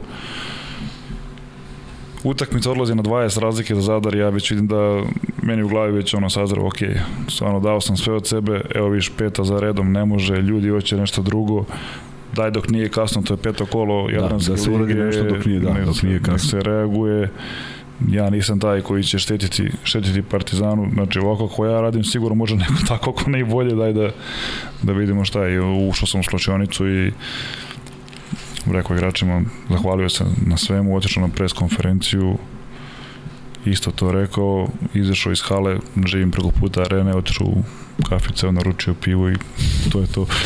A sad moram te pitam nešto, ne zato što mislim da bi reagovao drugačije. Ja mislim da bi ti reagovao tako, ako je rezultat taj, nego Da li misliš da se, na primjer, tebi, Alimpijeviću, vas dvojica ste ipak bili zaista otkrovenje ovog, ovog Evrokupa? Uh, ti si drugi najuspešniji srpski trener kada se sve sabere, el tako on je došao do finala, ti si došao dokle si došao, da. nema nema tu sad neko nešto mnogo naših imena. Da li je da li je taj pritisak rada u Zvezdi, u Partizanu nešto iznad? Jer vidi ti sad odlaziš i preporodio si se. I sećam se da si mi jednom trenutku rekao, video sam predsednika na ruskom ili na litvanskom ti nešto kaže kako si, ti kažeš dobro i to je to dva puta u sezoni. Uh, on koji priča o bursi u nekoliko intervjua da je to prosto mesto na kojem se radi. Da li mi potrošimo trenere tim nekim pritiskom da mora sve sad?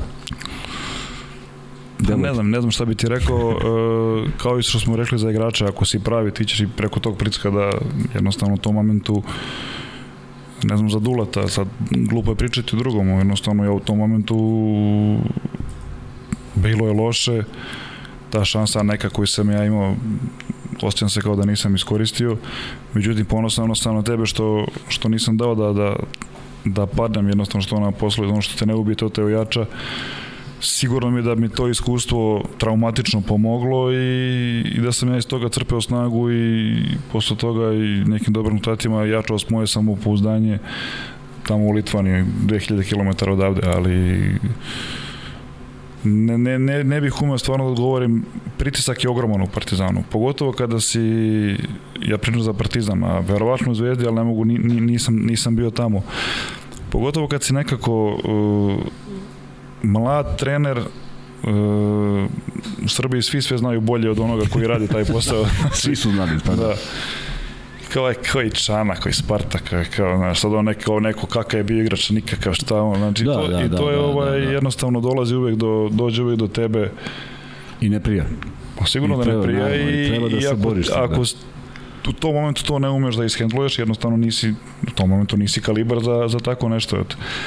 E, verujem da bi ja sada posle četiri godine da sam drugačiji trener i čovek i, i da bi ja drugačije uradio mnogo stvari, ali sad sam trenutno ovde s vama bez posla, tako da...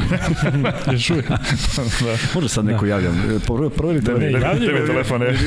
ne znam, ne znam koliko smemo, ovde ljudi postavljaju neka pitanja, ali nije, nije sad baš ovaj, umesno i za neke timove iz regiona. Ajde samo vama, samo vama da skrenem pažnju, dakle sada krenite da postavljate pitanje za Nenada Čanka, vidim da ovde ima mnogo prepiski, pa sad treba da se vraćamo gore da vidimo ovaj, šta i kako je, dakle od ovog trenutka možete da postavljate pitanje I free za Čanka. moramo pitanje za free beto, imamo tri free beta. Hoćemo, to ćemo podeliti uskoro. E, ljudi su se sada zakačili za ovaj deo između e, vređanje Partizan, Zvezda, šta se sve dešava, ali kažem, ajde da se okrenemo nekim, nekim normalnim stvarima. E, ono što je trenutno aktualno, a pričali smo o tvojom učinku u mlađim kategorijama reprezentacije, to je sada ova reprezentacija koja će igrati kvalifikacijne turnire i koja će igrati na e, evropskom prvenstvu. E, kako tebi to deluje? Dakle, sa, tim, sa mnogim momcima si radio i kažem ajde opet se uvek nameće Jokić ali ti si sada govorio još e, o nekim imenima da li ti deluje da je, da je sa selektorom Pešićem još ne znamo šta će biti i kako će biti oko Bogdanovića. Da li je ovo što se očekuje od reprezentacije Srbije to neko zlato? Da li je to neki sad već preveliki pritisak ili je to možda realno? Pa ne možemo kažemo da je, da je realno. Znači, svakako bio bi veliki, veliki uspeh, ali nije, ljudi, nije realno. Mislim, ne, ne, ne, ne mogu očekivanja, govorimo o da, da, očekivanjima. A, mislim, naša navijačka očekivanja, da, mi očekujemo, mi da. očekujemo, da, mi očekujemo u Kataru da ćemo biti prvaci sveta. Tako je, da, Znači, pogotovo u košarci uvek, uvek su maksimalno očekivanja. To isto kao da me pitaš da li, da li realno da navijači Partizana sledeće godine očekuju titulu obole. Realno je. Ali Euroligi, znaš, da, to, da, je već... Ovaj,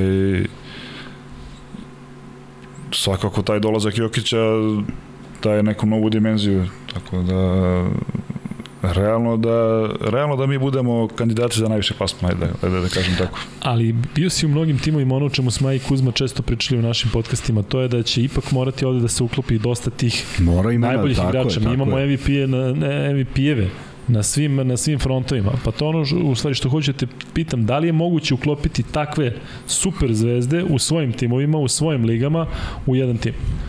Zato što si pominjao sa kim si ti igrao u Partizanu, to su već bili, uh, ajde da kažemo, onako nosioci igre i, i za svakoga može da kažeš da je najbolji. Koliko je recimo to teško iz, iz um, ugla trenera, zato što si ti rekao da, da, da je u Lijetka Beli su bilo tih igrača koji sam kažeš da su bili skoro nepoznati pa si ovo. Ali kad imaš takve, takve igrače za koje zaista piše da je, da je MVP i sada treba ti da ih uklopiš da na, na terenu budu jednaki. Da li je to, da li je to izvodljivo? Ja, ono, kao što sam rekao, ja sam odrastao gledajući reprezentaciju i u tom nekom iz te vremena SFRJ i da su bile stvarno veličine i uvijek je bilo izvodljivo, ali mislim zbog toga što su igrači bili tako vaspitani da od igranja za reprezentaciju nema dalje. Znači on je vojnik reprezentacije i nebitno je da li da igra 5 minuta, da li da 2 pojena, on je tu, znači nema dalje, ti si, ti si među 12, ti si jedan od 12.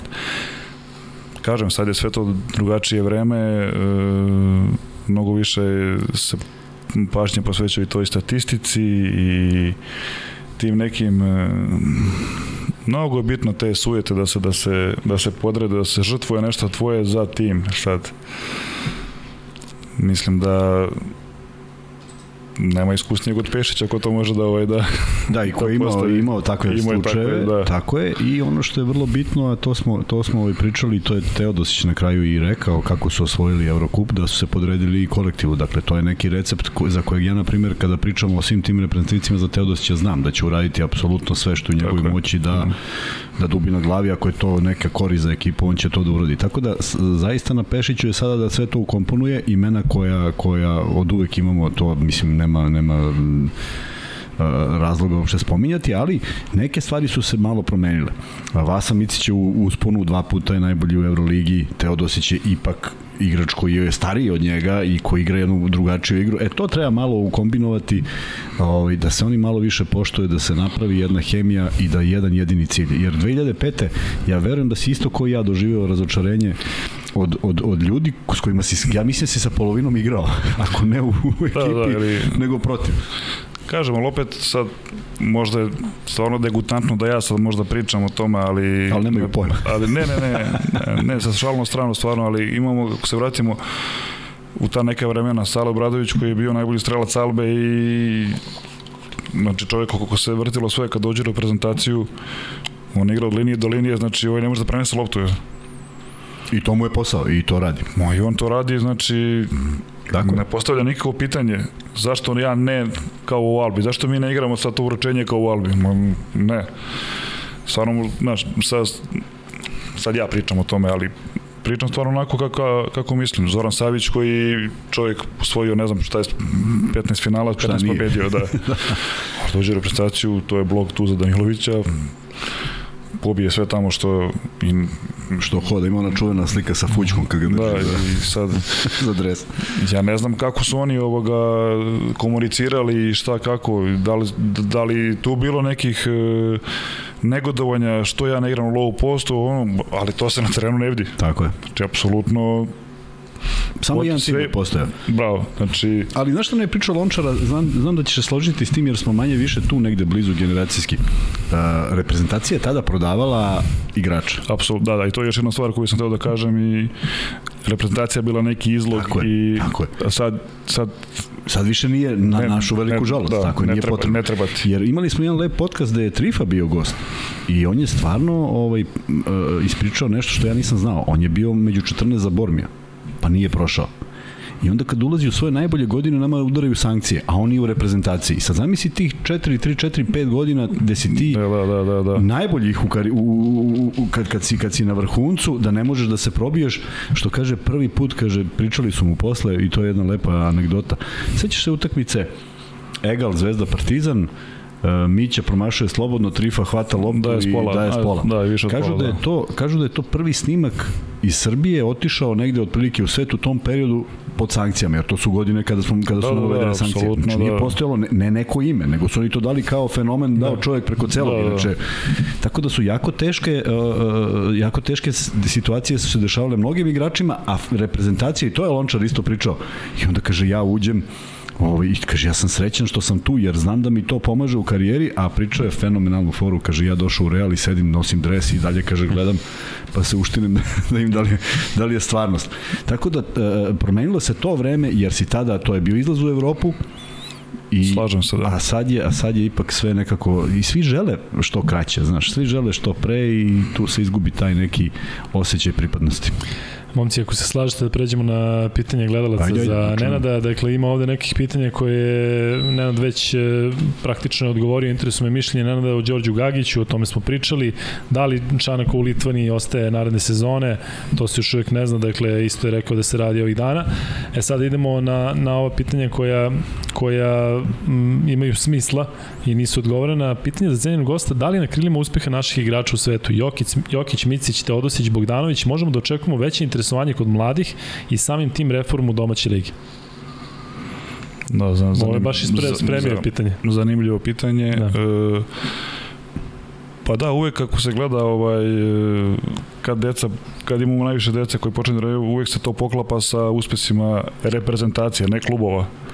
Znači, zbog, i zbog toga je jako važno kako reprezentacija, kakve, kakve, kakve rezultate postiže. E, kažem, možda ćemo ovaj, Ja i dalje mislim da će više dece, moje mišljenje, možda grešim, da će više dece u nekoj 9, 10, 9-godišnjici, 10-godišnjici početi trenirati košarku ako mi uzmemo evropsko zlato nego zato što je Jokić MVP. NBA tako da, Da.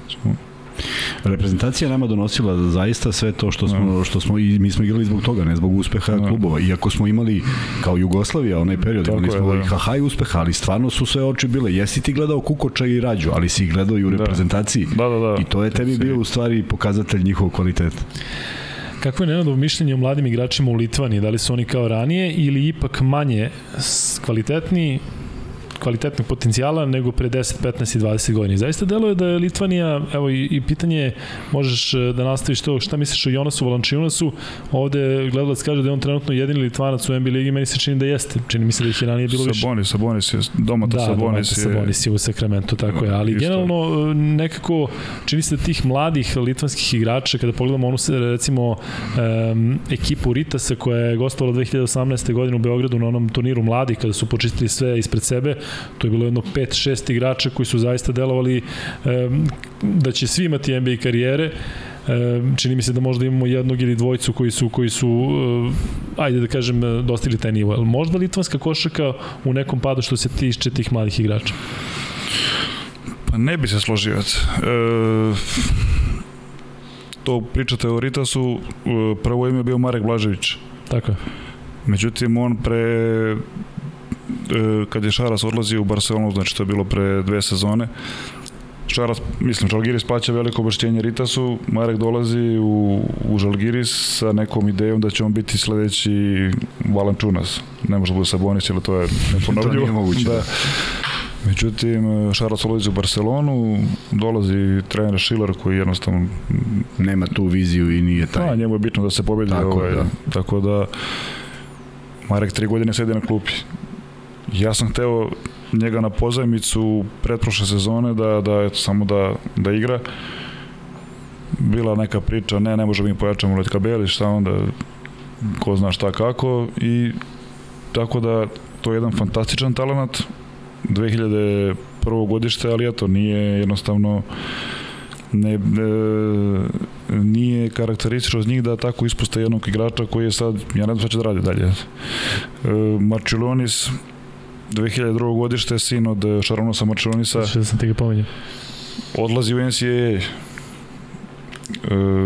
isto talent fantastičan, očeva građa, jak, e, zna košarku, odlazi u NCAA, bez, ne, ne znam koje je objašnjenje. I pritom ne igra uopšte cele godine.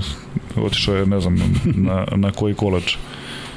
Tako da Tubelis koji je otišao u, na Arizonu, čini mi se, 2002. godište, izvaradan potencijal, isto je otišao u NCAA. Imaju tog Brazdejkisa što je, da li je sad u NBA ili... Ne. Tako da, Nije znao bi naš gledalac. Da.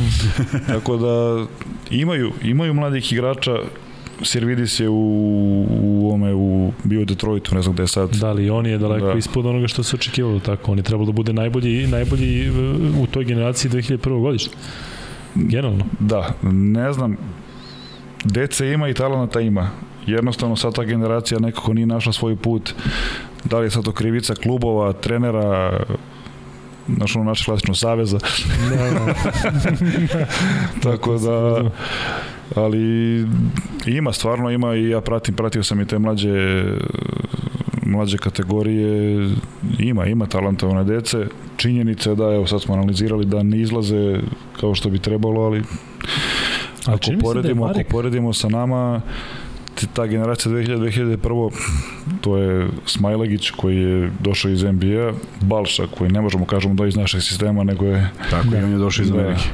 mali Trifa, Uroš i sada je nešto će propustiti, sigurno ispraću, ispraću glupo društvo, ali nemo, nismo ni mi sad baš nešto ovaj, Da, bacili izbacili igrače to godište, da. to godište, da. Ali kad smo kod Marika, mi se čini da, koliko sam prenosio Žalgiris, da kada je Zdoc došao, da je počeo ponovo da ga gura, što je imao naravno veze i sa Lovernjom da je povređen. Vrlo velike veze bilo. Ja tako? Da, da, i Nibo je da. nešto počeo da, da, da igra Slavije. Da. E, ne možeš da veruješ koliko pitanja ima. Da li imaš ikakve veze sa imenjakom i prezimenjakom političara? Daj, molim te, odgovori to za ovih e, Evo, nekoliko evo. miliona gledalaca. E, Nenad Čanak, znači mi smo, naše prezime Čanak je iz Zrmanje, to je selo između Gračaca i Knina, u, znači u granica Like i Dalmacije. Njegovi Nenadovi, znači političari su otišli 1920. tom prvom kolonizacijom, posle prvog svetskog rata su otišli u Vojvodinu. Mi nismo ista, ista loza Čanaka, da kažem, ali ovaj njegova ta njegove te kuće, kako mi kažemo, oni su kolonizirani u Vojvodinu 20. godina prošlog veka, znači posle prvog svetskog rata. Mislim, ja ovo pričam što je meni moj otac pričao, što su njemu pričali sada, ako, ako nema neko da me skoči sada. Da kad krenu sad. da, da, da. Istina Strajkuju. nije istina, znači otišli su u Pančevo, ja mislim, i jednostavno oni su ja mislim da je Nenadov otac bio neki profesor isto ovaj, na, na fakultetu, jednostavno tamo su se skućili, tako da mi nismo rod, apsolutno smo iz istog sela, ja znam i tu kuću, odakle su, odakle ta njegova njegova Familija, loza, da, da. ovaj, A ste se da- susretali, jeste se upoznali? Jeste, e, ja sam, I ja sam, kažete Nenad, Nenad. neki- Čanak, čanak, E, čanak. na jednom putovanju, kad sam igrao za, za Partizan, na putovanju za Moskvu, dolazi do neke neke situacije na onome kod ažurnih ruskih službenika na tada šalterima. Kako sad dva N čanak, šta se dešava tu nije, jeste, zovu nas tamo na onaj razgovor i sad dolazi čovjek koji je isto N čanak, Nikola Čanak, Nenadov, Nenadov e, brat. I sad on, tu se upoznajemo, samo Bog zna kako, sve, on zna za mene isto odakle, samo on isto, ovaj, tako da nisam imao kontakt sa Nenadom, sa njegovim bratom, moj otac je posle s njim komunicirao, tako da nisam, ovaj, ja ga lično upoznao nisam, iako sam igrao godinu dana u Novom Sadu. E, imamo pitanje koje može da se nadoveže na sada ovo što pričamo kada govoriš o sposobnim Rusima na granicama. Da li bi Nenad prihvatio poziv nekog kluba iz Rusije? u celoj ovoj situaciji. Znam da je nezgodno, ali ovo je, ovo je gost, odnosno gledalac koji onako uglavnom poslije dobro pitanje. Pa, Teška. Sad bez te Evrope ja nisam neko ko, ko će da trči za, za, za novcem i u ovoj situaciji po tim velikim ja znam da je normalna situacija da ja ne bi došao u tu situaciju da, da oni razmišljaju o meni tako da A znaš šta je? Bilo je nekih napisa u novinama da bi mogli u VTB da učestvuju u Zvezda i Partizan, pa će oni da pozovu.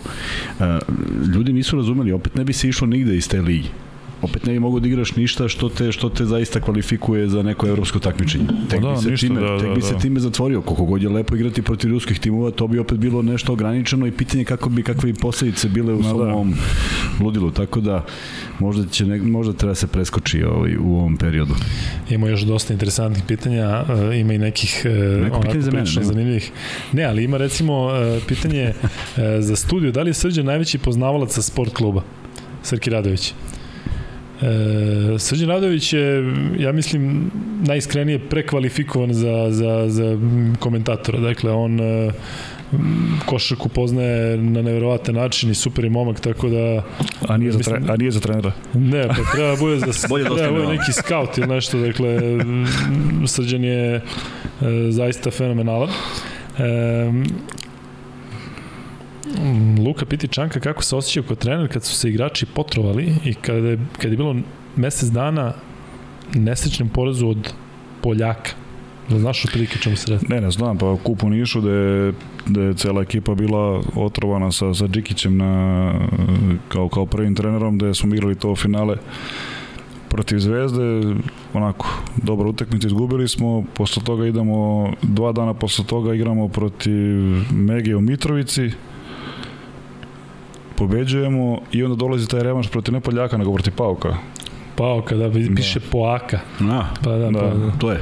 Protiv da, Pauka, da. gde smo pobedili tamo dva razlike i bukvalno smo imali 6-7 igrača u pioniru, fantastična atmosfera i gubimo nekih 20, međutim stižemo, stižemo neko ludilo i na kraju čak i mašimo šut taj za, za prolaz, ali i da smo prošli, mi smo sutradan igrali protiv Zadra neku zaostalu utakmicu, trebali da putujemo na Tenerife, Časko. da smo, a nas i dalje ima 6-7, znači svi su, svi su otrovani nego onaj, Strava. o tome se nije, nije se pričalo tada o, skautingu, samo CRP, koliki CRP kod ove, koliki? E, idemo dalje. E, pitanje za Čanka ali ovo je sada, podrazumio se da si dalje e, trener Lijetka Belisa, da možeš da dovedeš bilo koja dva igrača trenutno iz ABA ligi, koja bi to dva igrača bilo? Pa dobro, ljudi moraju da razumeju naš budžet, znači ja ne mogu sad ne, da ali kažem... Ne, ovo je, čaj, ovo je, ovo je fantasy, ovo je fantasy, onaj, da. s kim bi koga volio da treniraš, da. Ne mogu dovedem Pantara i Kalinića sigurno. ali dobro, odgovorio se. ali, bilo bi, da. ali bilo bi ti okej. Okay. Ja, možda da. e, idemo dalje. E, da li Nenad može da uporedi Litvansku ligu sa ABA ligom? Pa, ma mislim, rezultati najbolje govore. E, eto, ok, Žalgiris ima jako lošu sezonu Euroligi, ali igrali su Zvezdom 1-1, znači najbolji, najbolji klub ABA lige, ajde da kažemo bara bar sa najboljim klubom Litvanske. Sad, e, mi smo igrali s Partizanom 1-1, Ritas igra jako dobro u Champions ligu, ima tu još možda taj Juventus. E, smatram da ovih prvih četiri kluba e, Zve, Zvezda, Partizan, Cedevita, budućnost, da su oni u nekom rangu Žalgiris, Ritas, da su mi tu možda malo ispod, a ovaj donji dom ABA lige i, i, i ovaj LKL donji dom mislim da LKL liga možda tu kvalitetnija. Možda moje subjektivno mišljenje, ali tako me neko deluje, jer ima stvarno dobrih igrača i u tom Neptunasu i u Juventusu. Patrak Miller igrao fenomenalnu sezonu. Taj Šole igra, igrao jako dobro sa tim John Elmorom, jedan Amerikanac beli koji Jeste. stvarno ovaj, odigrao, odigrao odličnu Tako da, onako. E, kako ti se čini, recimo, ovo je sad moje pitanje, zato što smo radili mnogo mečeva Litvanske ligi, sam prenosio ove sezone. Da li ti delo, da li bi preporučio Litvansku ligu našim igračima, posebno onim koji su, ajde da kažem, koji traže neki novi put u karijeri, imamo Aranitović, imamo Bezbradicu koji su došli tu i zaista se odmah pozicionirali kao, kao lideri ekipe. Ranitović je odigrao stvarno dobru sezonu Jeste. i njemu će ta sezona sigurno, sigurno će mu koristiti. Bezbradica je počeo odlično, a stvarno ima malar, prvo slomi mali prst, pa zglob i nije, nije, nije pružio ono što, što, što može da pruži. Vasilije Pušica je bio u ovome u Prijenaju, on je ugovor potpisan sa Manresom, gde se oni onda nije bio spreman, pa kao da dođe na neki na neki nivo, otišao u Galatasaraj. E, sezonu pre ovaj pre korone bio Rakićević isto ovaj isto u Zuki E, mislim da ljudi u Srbiji e, malo pocenjuju tu, tu litvansku ligu, ali liga je stvarno je, stvarno je kvalitetna. Da, priča se o dva kluba, uvek se priča o dva. Da, ali veruj mi, da, da, da, da, da, veruj mi da nije samo to, znači... Pa pokazao si da nije, mislim. I, i liga nije divlja u smislu da imamo, imamo, imamo percepciju Litvanaca, a to je samo trči pucaju ono, ma nije, imaju oni petic, svakak ima peticu, veliki su ljudi, četvorke znaju da igraju, šutiraju, stvarno treneri su onako taktičari, tako da nije, nije, nije uopšte, nije najna liga. E, pitanje za tebe. Stvarno? E, ima da... Šta je sa Kuzmom NBA i styling fura u zadnje vreme? A, pa da, oprala, oprala sam majicu pa sam je obuku. E... Vrlo prosto i ne mora se pegla, vidi. To je onaj materijal. To je ono što si pokrio prošle nedelje. To je ono što sam pokrio da, da. prošle nedelje kad sam nosio dres Kuzma, da. da. E, opet ovo smo, ajde da kažem, donekle prošle, ali kako mu se čini Partizan ove sezone, da li bi izdvojio nekog od igrača? Mislim na ovu poslednju sezonu. Ma dobro, nije, stvarno, ono, meni se ta pitanja, ja stvarno želim da komentarišem, ne mogu komentarišem druge ekipe, niti znam šta, šta se, kako se ko trenira, kako je na treninzima, mogu da kao neki prosječni navijač, znači stvarno ok, dva dva, dva finala kupa i ovoga i Jaba lige, mislim da su eto, jedna lopta odlučila taj šut Kalinića Voltersa da, da ih sprečio da uzmu i, i Jaba titulu od igrača, aj sad da, da na stranu ovi Pantera Lidej koji su već isprofilisani kao vrhunski igrači, igrači koji je Final Fouru. Stvarno meni je Balša Koprivica jedno, jedno otkrovenje i i smatram da će stvarno biti, biti budućnost naše, naše košarke. A te godine kad si radio, kad smo radili u stvari zajedno, ovaj, kad smo bili 2017. tada je Balša došao prvi put u, u reprezentaciju Vlada Ivanović je bio da, trener da, da, da. i sećam se taj prvi trening, bili smo u Vrnjačkoj banji, ja mislim, i došli smo, okupili smo se i naravno, kao i u vašem slučaju, ja sam sedeo i slušao otprilike, ništa nisam tu nešto pametovao, I Vlada kaže, znamo jednog koji je sigurno u 12. E, to je bio Balša Koprivica, samim, samim tim što je istrenirao, što su videli i atletske sposobnosti i sve da, to, da, tako da. da je tu već prepoznato važnost da on bude deo ekipe. Uh, ono što ljudi još uvek ne mogu da ukapiraju kad kažu Balša Koprivica dolazi iz Amerike, on dolazi sa kontinenta, ne dolazi iz neke lige koju on mogu da oseti kao uh, profesionalnu, pa da, da naravno, da, treba, da, da, da. naravno da treba određen period, ali uh, baš smo komentarisali da ako je neko napravio pomak od onog dana kad je došao, To je apsolutno bio. Koprivica, da. apsolutno, da, da. E, da li postoji neki igrač iz Litvanske lige ispod, ispod radara koga bi preporučio nekom većem klubu, evo opet ovde potenciraju Partizan. Da li ima nekog igrača koga vidiš da ide onako ispod radara do duše, pa, mislim, da ne stiš i, i, beli su, su svi. Svi, svi su ispod radara, da. Ne, nema šta da shvatim ili da. e, žao mi je, mislim, nije žao mi je, taj Panajotis Kalajdzakis sigurno igraš za Partizan. Sigurno igraš za Partizan sa, sa e, sa takvim stavom, pobedničkim mentalitetom, e, kako trenira, kako se odnosi prema koča, sigurno igra za Partizan. Međutim, on je Grk i već se otima i Olimpijakos, Panathinaikos, tako da... Ko biše godišta? 99. Da, meni je neku malo specifičnu tehniku šutima, tako? Pa, radili smo, radili smo. Promenio. ja kad sam gradio, rekao, gledaj, znaš, ide nekako leti, šta je sad? E, pitanje za Čanka, ovo je jasan odgovor će biti, ali ajde moramo da ispoštujemo. Posebno Crni Grobar postavlja baš dobro pitanje.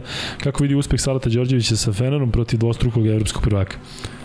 Salatu kapa dole i za prošlu godinu za titulu protiv e, Milana i sada protiv Efesa dve titula Italija, Turska, nema tu, nema tu šta da se komentariše. A, a, da. a ne vidim peh u odlasku ruskih klubova. Da, on najviše je izgubio, da, da, on je sve pobedio da. i da. E, da imamo ovde pitanje praktično za ceo studio, da li je Euroliga nepravedna zbog e, ovih licenci koje se dodeljuju? Pravedna, taj nepravedna, sistem. da, taj sistem je takav kakav jeste. Uh, povučene su licence ove što su bile za 2-3 godine zbog celokupne situacije, tako da je zato 11 klubova umesto 13 koliko je trebalo da glasa. Tako da to funkcioniš na tom principu i to, su, to se znalo od prvog dana. Nije to sad neko iznenađenje kako se ulazi i šta se dešava, tako da nešto pričati o pravdi, a naročito nešto sa sportskim aspektom nema baš mnogo neke veze, jednostavno ili želiš da budeš deo te porodice, a mislim da svi koji drže do sobe žele. Mada, e, razmišljao sam ovo sada kada su Partizan i Valencija primljeni i mnogo smo pričali o tome da, bi, da, da je to dobra stvar za, za, za region generalno.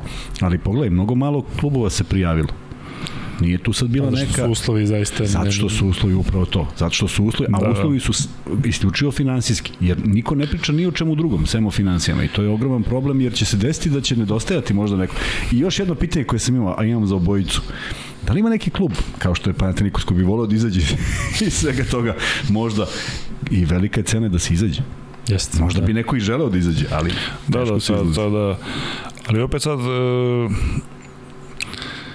e, uslovi, hala, aerodrom, mislim, toga nije bilo u tom nekadašnjem kupu šampiona. Nije bilo nikako, naravno. Ali ja se, ja ne mislim da je bilo manje interesovanja. Nikako, nikako. E, ovaj, zato što je igrao neki, Žalgiri su u nekoj drugoj sali ili Tako da... Apsolutno ne, je- samo su stavljeni neki parametri koji, ko, ko, koje je neko izmislio.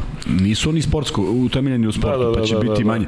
Nego oni računaju matematički, ovoliko navijača, toliko više karata se proda i tako to je. To je, to je jedna, neka... jedna paralela samo ovaj, u Litvani, e, sad je bilo 11 timova, niko nije ispadao i sad je priključen 12. tim.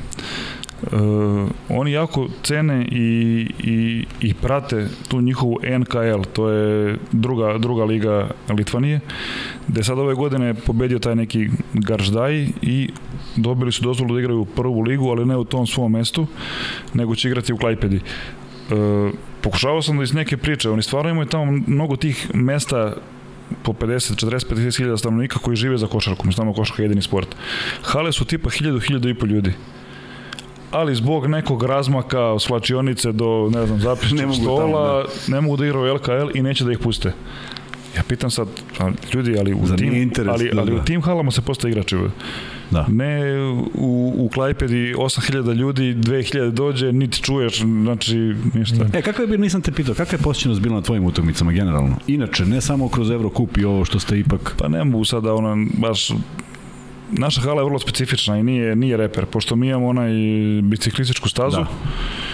i ljudi koji će dođe gledaju, ako su tamo iz biciklističke staze, Bolje gledaju od kuće. pa da, bolje gledaju na video bimu. Tako, ali bila je, bila je krcata, ceo playoff je bila krcata Pa da, hala i, to sam video.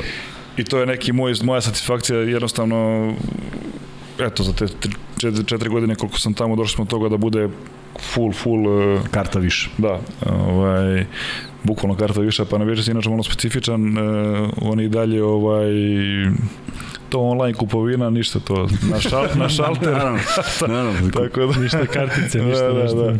Ko mi garantuje da ću dobijem. Da, da, i ovaj, da se vratim na ovo što sam teo da kažem, e, zaista mislim da ne treba, ok, uslovi, ali z, z, Litvanska liga, z- zaista neki šilute ili mažejki sa halom od 1000, 1000 i pol ljudi, pa daj da igramo, daj da Žal- Žalgiris dođe tamo. Pa kako će taj Marek Blažović da igra kad mu stoji neki nad glavom? Baš znaš? tako, baš tako. Da, ne samo pa u idealnim doći- uslovima. Pa da, pa će doći pionir, bit će mu lakše. Znači, neke, ali...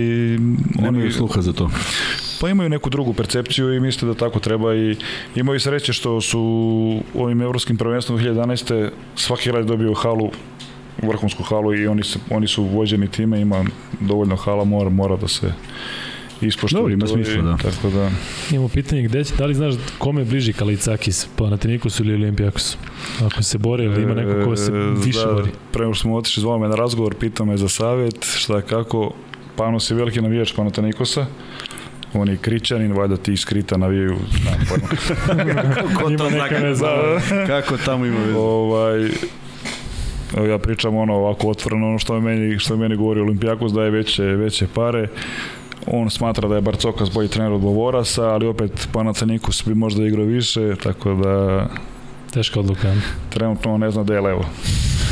Ali mu je, a, sad ajde potpuno sa strane, pošto ne znamo čoveka, ali trenutno je zaista velika, velika razlika između Olimpijakosa i Pantanikosa u ovom Jeste. trenutku. U svakom pogledu, da. U svakom I vidi se to u da. ovoj playoff se, seriji, se vidi tako je. na svakom ćošku. E, pitanje je koliko se kvalitet života razlikuje u Litvani i Balkanu, da ne kaže Srbiji, kaže Sagat 89. Pa dobro, ove četiri godine u Panevežu sam mi smo malo njih ovoga, pogotovo prve godine bio Sinovet, Čakarević, pa posle toga sad e, Znači, taj Radičević, grad, da, mi smo više nije kao što je bilo. Šta ste ostavili? Da? Ovaj, pa mislim kvalitet života. Generalno meni lično Kuća, sala. kuća, ne, kuća trening, kafa posle treninga, ručak, Pa gde kafa pre daje. treninga, gde god daje, tako da... Dobro dok E, nije e, pivo, a dok nije pivo, kao kod arene, znači da, da, da znaš se šta? kafa drži. Znaš šta, mnogo ljudi ne zna koliko je taj ritam nenormalan gde god da si, potpuno je svejedno, da li možda budeš da. i u Valenciji. Znači, ja mislim Pa da. da. se Miluju poklopilo da ima grad koji je božanstven Valencija i da je igrao ozbiljnu ligu i sve to. Nije to baš tako često. Ja sam bio u najružnijem gradu na svetu, to je Šalo, apsolutno. I mislim da je dobio, i mislim da je dobio tu nagradu kao najružniji. Dakle, što kažeš, imao si samo taj ritam koji ti u stvari dozvoljavao, potpuno je svejedno gde si. Nisi, Pa da, ne, nisi ne imao ni ja da se pohvalim, neki bio sam u Kozaniju, bio sam u, ju, u Južnom u Ukrajini, znači. Da, da. znači ali isto znaš, isto sam našao neki svoj kafić, svoj Nađeš ritam, ritam, i pa tako da, i to je ono što imaš, nema ta, ta, to, broj treninga plus putovanja i utakmice je svuda isto. A, kada govoriš, mi svi znamo da je jedini sport u Litvani košaka, e, kakav ste status imali tamo sada, posle jedne ovakve sezone i tokom ovakve sezone? Ipak je grad, koliko ima stanovnika? 80.000 ljudi, sada nispadne da se ovaj da se nešto hvalimo, stvarno smo bili pogotovo u ovom play-offu i posle te eliminacijskog igrica jednostavno nisi mogao proći ulicom da, da, da te neko ne zaustavi, da ti nešto ne kaže on ispriča svoje na litvanskom ti se nasmeješ. Da, da. Onako, pre ove situacije pričali su ruski, sad od ove situacije pa da, ne padjimaju. Tako da, ovaj, bilo je stvarno lepo i ne mogu da kažem da nije prijalo. Stvarno smo se osjećali ovoga i, i ja kao trener i igrači moji stvarno smo bili onako ljudi su se potpuno poistovetili s nama posle te zadnje utakmice protiv Ritasa, sačekalo nas je pun plato ispred hale, to su skandiranje, nisu nas pustili jedno pola sata da idemo ovoga kući, tako da onako... Ostiš zadovoljstvo posle svega, to je, to je da. cela ta priča, da, da, da radiš nešto da bi, da bi, da. da bi doživio tako neki moment. Koje ćemo pitanje da postavimo? Čanak, imaš neko pitanje? Imam ja, ja za tebe, pite već treći put Ognjen Radivojević, zato što sam hteo Zašto da postavim... Zašto majicu? Pite Kuzmu, kako razume glasanje u Euroligi? Ja ništa nisam razumeo, ali može Kuzma da objasni. Ti si otprilike rekao da je... Ja sam rekao da je čudno, da, nek, da. glasali su prvo za jedno, onda su ta dva kluba izgubili pravo glasa za, za drugo pitanje i onda sam razumeo da je četiri kluba bilo protiv, dva kluba je bilo uzdržano i napisali su Armani i Panathinaikos. I Panathinaikos. Da. da ali oni su bili uzdržani u smislu da su po pitanju i, i CSKA. I jednog drugog, da, da, nisu, nisu ništa... Kako možda su oni preneli to iz ovaj... Ko zna, da, mi prenosimo nešto, nećemo, mi idemo, mi idemo sa sastanka. Sve je to jako čudno, ali vidi, vrlo, vrlo najbitnije je epilog koji se desio i, i to je to, nema tu sad šta dalje. Ne znamo još ko je glavni čovjek Evrolige, što je za mene zaista neverovatno i u jednom momentu će valjda morati da se pojavi. Jer vidi, pričao sam već o tome, svo to glasanje među 11 klubova, kad je 6-5 nategnuto je za bilo kakvu odluku, a biće čudnih odluka, biće nečega što će se... Što da, će, da, da. Mora to bude 9-2, mora to bude 11-0, mora to bude neki konsenzus koji svima, koji svima godi. Ovako si uvek na, na ivici. E, pitanje za Kuzmu, kakva je ultra, pita Aleksandar Nikolić. Mm, fenomenalno. Mm, e, evo, pitanje za meni i za tebe. Da li bi bilo dobro da pozovete kapitene Lazića i Zagorca da oni krenu da smiraju tenzije među navijačima jer se na uprave ne možemo pouzdati? E, i dalje, evo ja sad ponovo vraćam na priču, mi smo, ne, Čanak, dobili smo ovaj, mogućnost da pričamo sa Lukom Mitrovićem. Mi smo u istog trenutka poslali, istog, pre toga smo poslali Partizanu i Zvezdi, Partizan imao fokus na nekim utakmicama koje su bile bitne i poziv stoji. I ja sam zaista sa ljudima iz Partizana rekao kad god, kad god, bilo kada može, ja sam za, što da ne.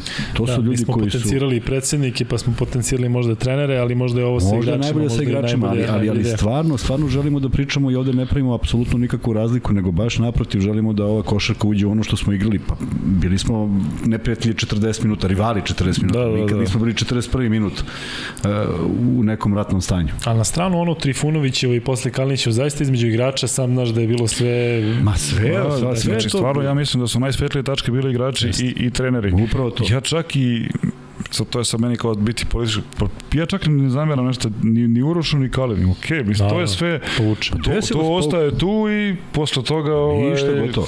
Ali pritom obojica su se izvinuli i rekli da. šta je bilo i šta je povuklo i sad sve to ići dalje, to, to nema nikakav smisla. Ja, ja, vidi, možda je čak i veća težina Kalina uh, koji je reagovao opet ko zna šta mu je u tom trenutku prošlo kroz glavu ali, ali, ali zaista to ne bismo ni pričali o tom nego se to odjednom izbaci kao glavna stvar u pa, igrali smo ti ja par puta, ne par puta nego dosta puta smo igrali mali futbal ti ja pa isto pa bilo takve situacije kamoli, kamoli ovo, da, da, hvala da. Bogu da. E, pitanje za Vanju, da li to pišti nešto kod njih ili pišti i kod nas? kod njih. kod njih, da, niko ne čuje dobro, znači ne znam šta se dešava. Pitanje za Čanka, kako je osjećaj pobediti Partizan kao veliki Partizanovac? Ma dobro, već to, ta pitanja su već bila i jednostavno u tom da. momentu meni je bilo stvarno bitno da, da Litkabeli s tom pobedom uh, mi su stvarno stekli velike šanse posle pobeda da bude među prva četiri. U tom momentu samo sam tako no, razmišljao, da, i koliko god ljudi to sad veruju, ne veruju, baš je tako. Znači, jednostavno u tom momentu nisam razmišljao ni o Partizanu, ni o Željku.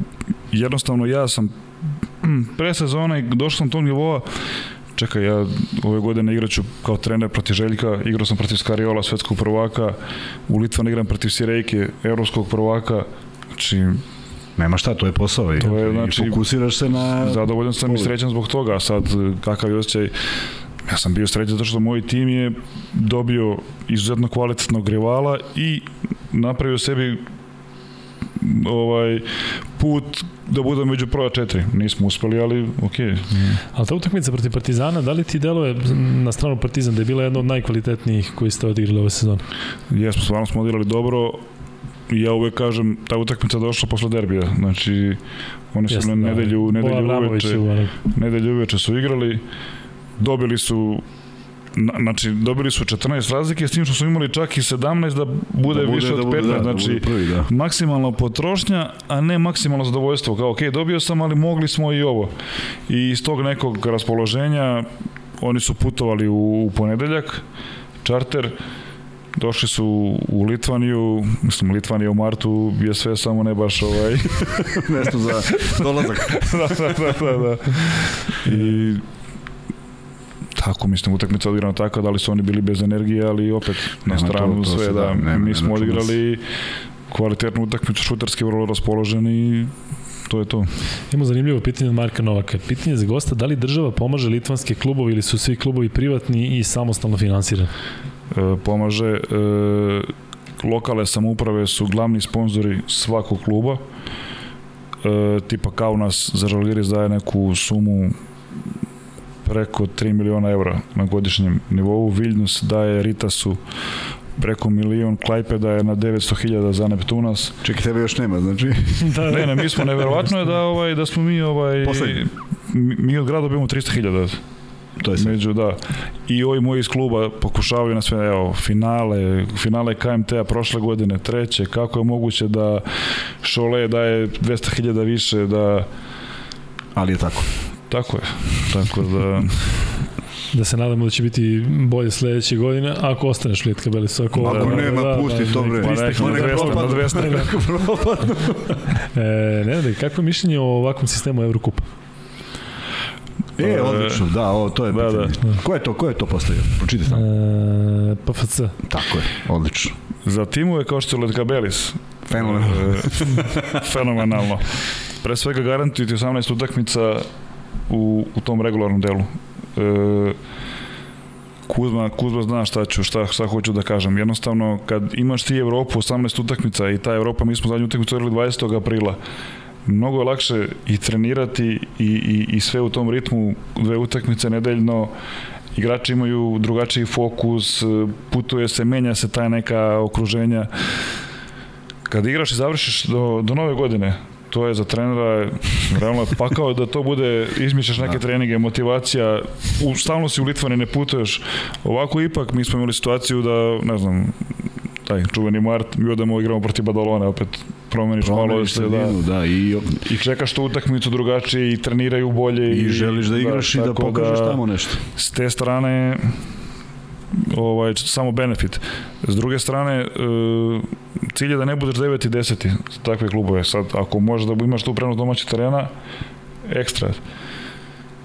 Mana je sigurno mana što je Partizan ostio na svojoj koži jedna utakmica i, i sve moguće. Znači, Partizan da je igrao na dve dobijene protiv Nema Bursa i da su izgubili prvu, oni bi dobili Burs, dobili kući. Da.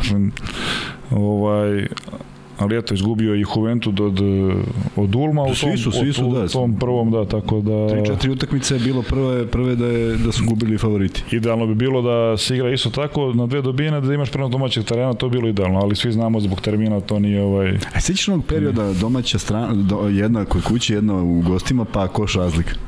A ne, to, to mi je... E, sećaš da je bilo Pa tako? da, i to, tako, Je do tako nedavno. se igra tako se igra kup Litvanije, ovaj četvrt finale, stvarno je baš je ono... E, kad smo kod Kupa Litvanije, ima neka olakšica kad igraš protiv drugopla, dru, druge lige ili treće lige?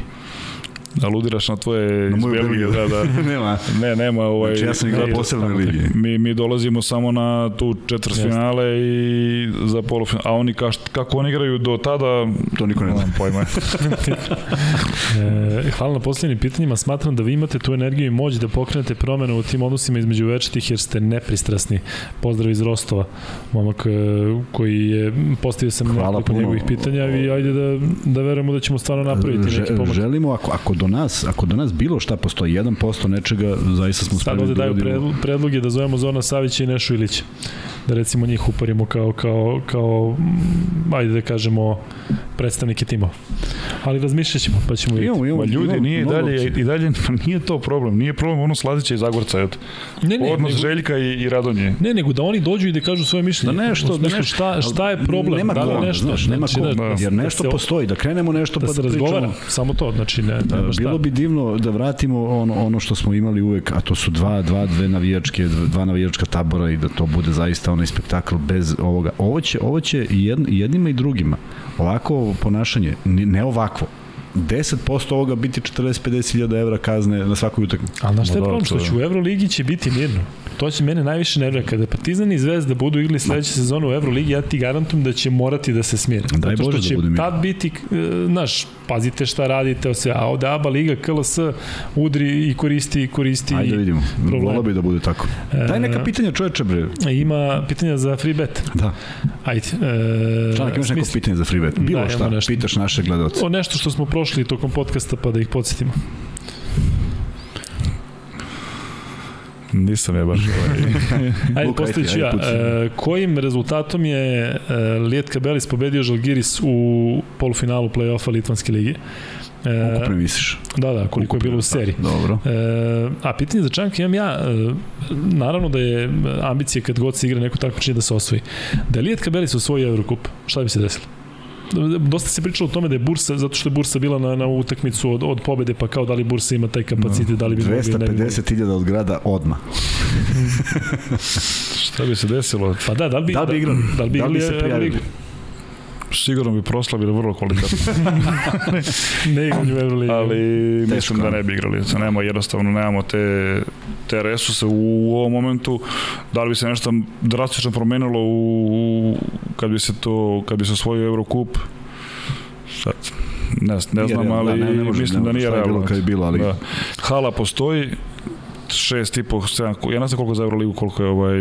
Mm, sedam i po. 7, 7 je minimum, ja Da. mislim. Ha, čak i to je sad ovaj... Morali bi na biciklističkim na Morali bi, biciklističkim ovaj, da se morali bi bicikla da iznajmljamo da gledaju. da voze u krug. Da. Aerodrom je u tom nekom O, distanci koji je, je da, odgovor. koja odgovara, tako da ne znam. Um, ovde komentarišu sada Luka, ko će komentarisati večite u Euroligi sledeće godine?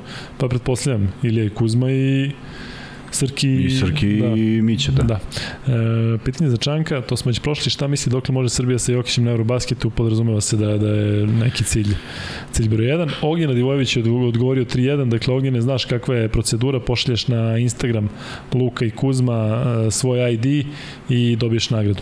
A ti Kuzma smisli ovaj, umeđu vremenu neko pitanje, da ja nešto pitam Čanka, mene baš zanima, kako komentarišeš onaj potez Bol familije da dođe u Litvaniju i da, da ono uradi? Ljudi tamo u Litvani, prvo kažem, ja nisam ni, ni znao za to, ovoga, ali uopšte ne gledaju blagonaklono na to i kad se spomene Ball Family u košarkaškoj Litvani, to je mat. Slanjih, slanjih sočeva. Da, da niko ne želi ovaj da se da se prisjeća, čak ni ja sad ne znam tačno kakva je to ovoga bila priča, oni su igrali za taj, to tad se zvao Bitautas Jeste. I ja sam imao jednog igrača koji je igrao tad, Tomas Dimša koji je igrao kod mene, sad je otišao u Logiri, sad igra za Trevizo, Da, Dimša on- je da, odličan šuter, da, da, gde on jedini nije hteo da potpiše to, da, da ga, ne znam šta je to, da trebalo se snima ceo dan, gde on nije pristao, pristao na to, tako da ne znam celu priču, ali znam da ovaj, Familia Ball nije baš najomiljenija u Litvaniji. Da, nisu nigde, da, gde god od... Evo, pitanje, koje godine Čanak sa a, Srbijom i trenerom Đokićem osvojio zlatnu medalju? Da, samo na recimo koje kategorije. prvenstvu do 20 godina.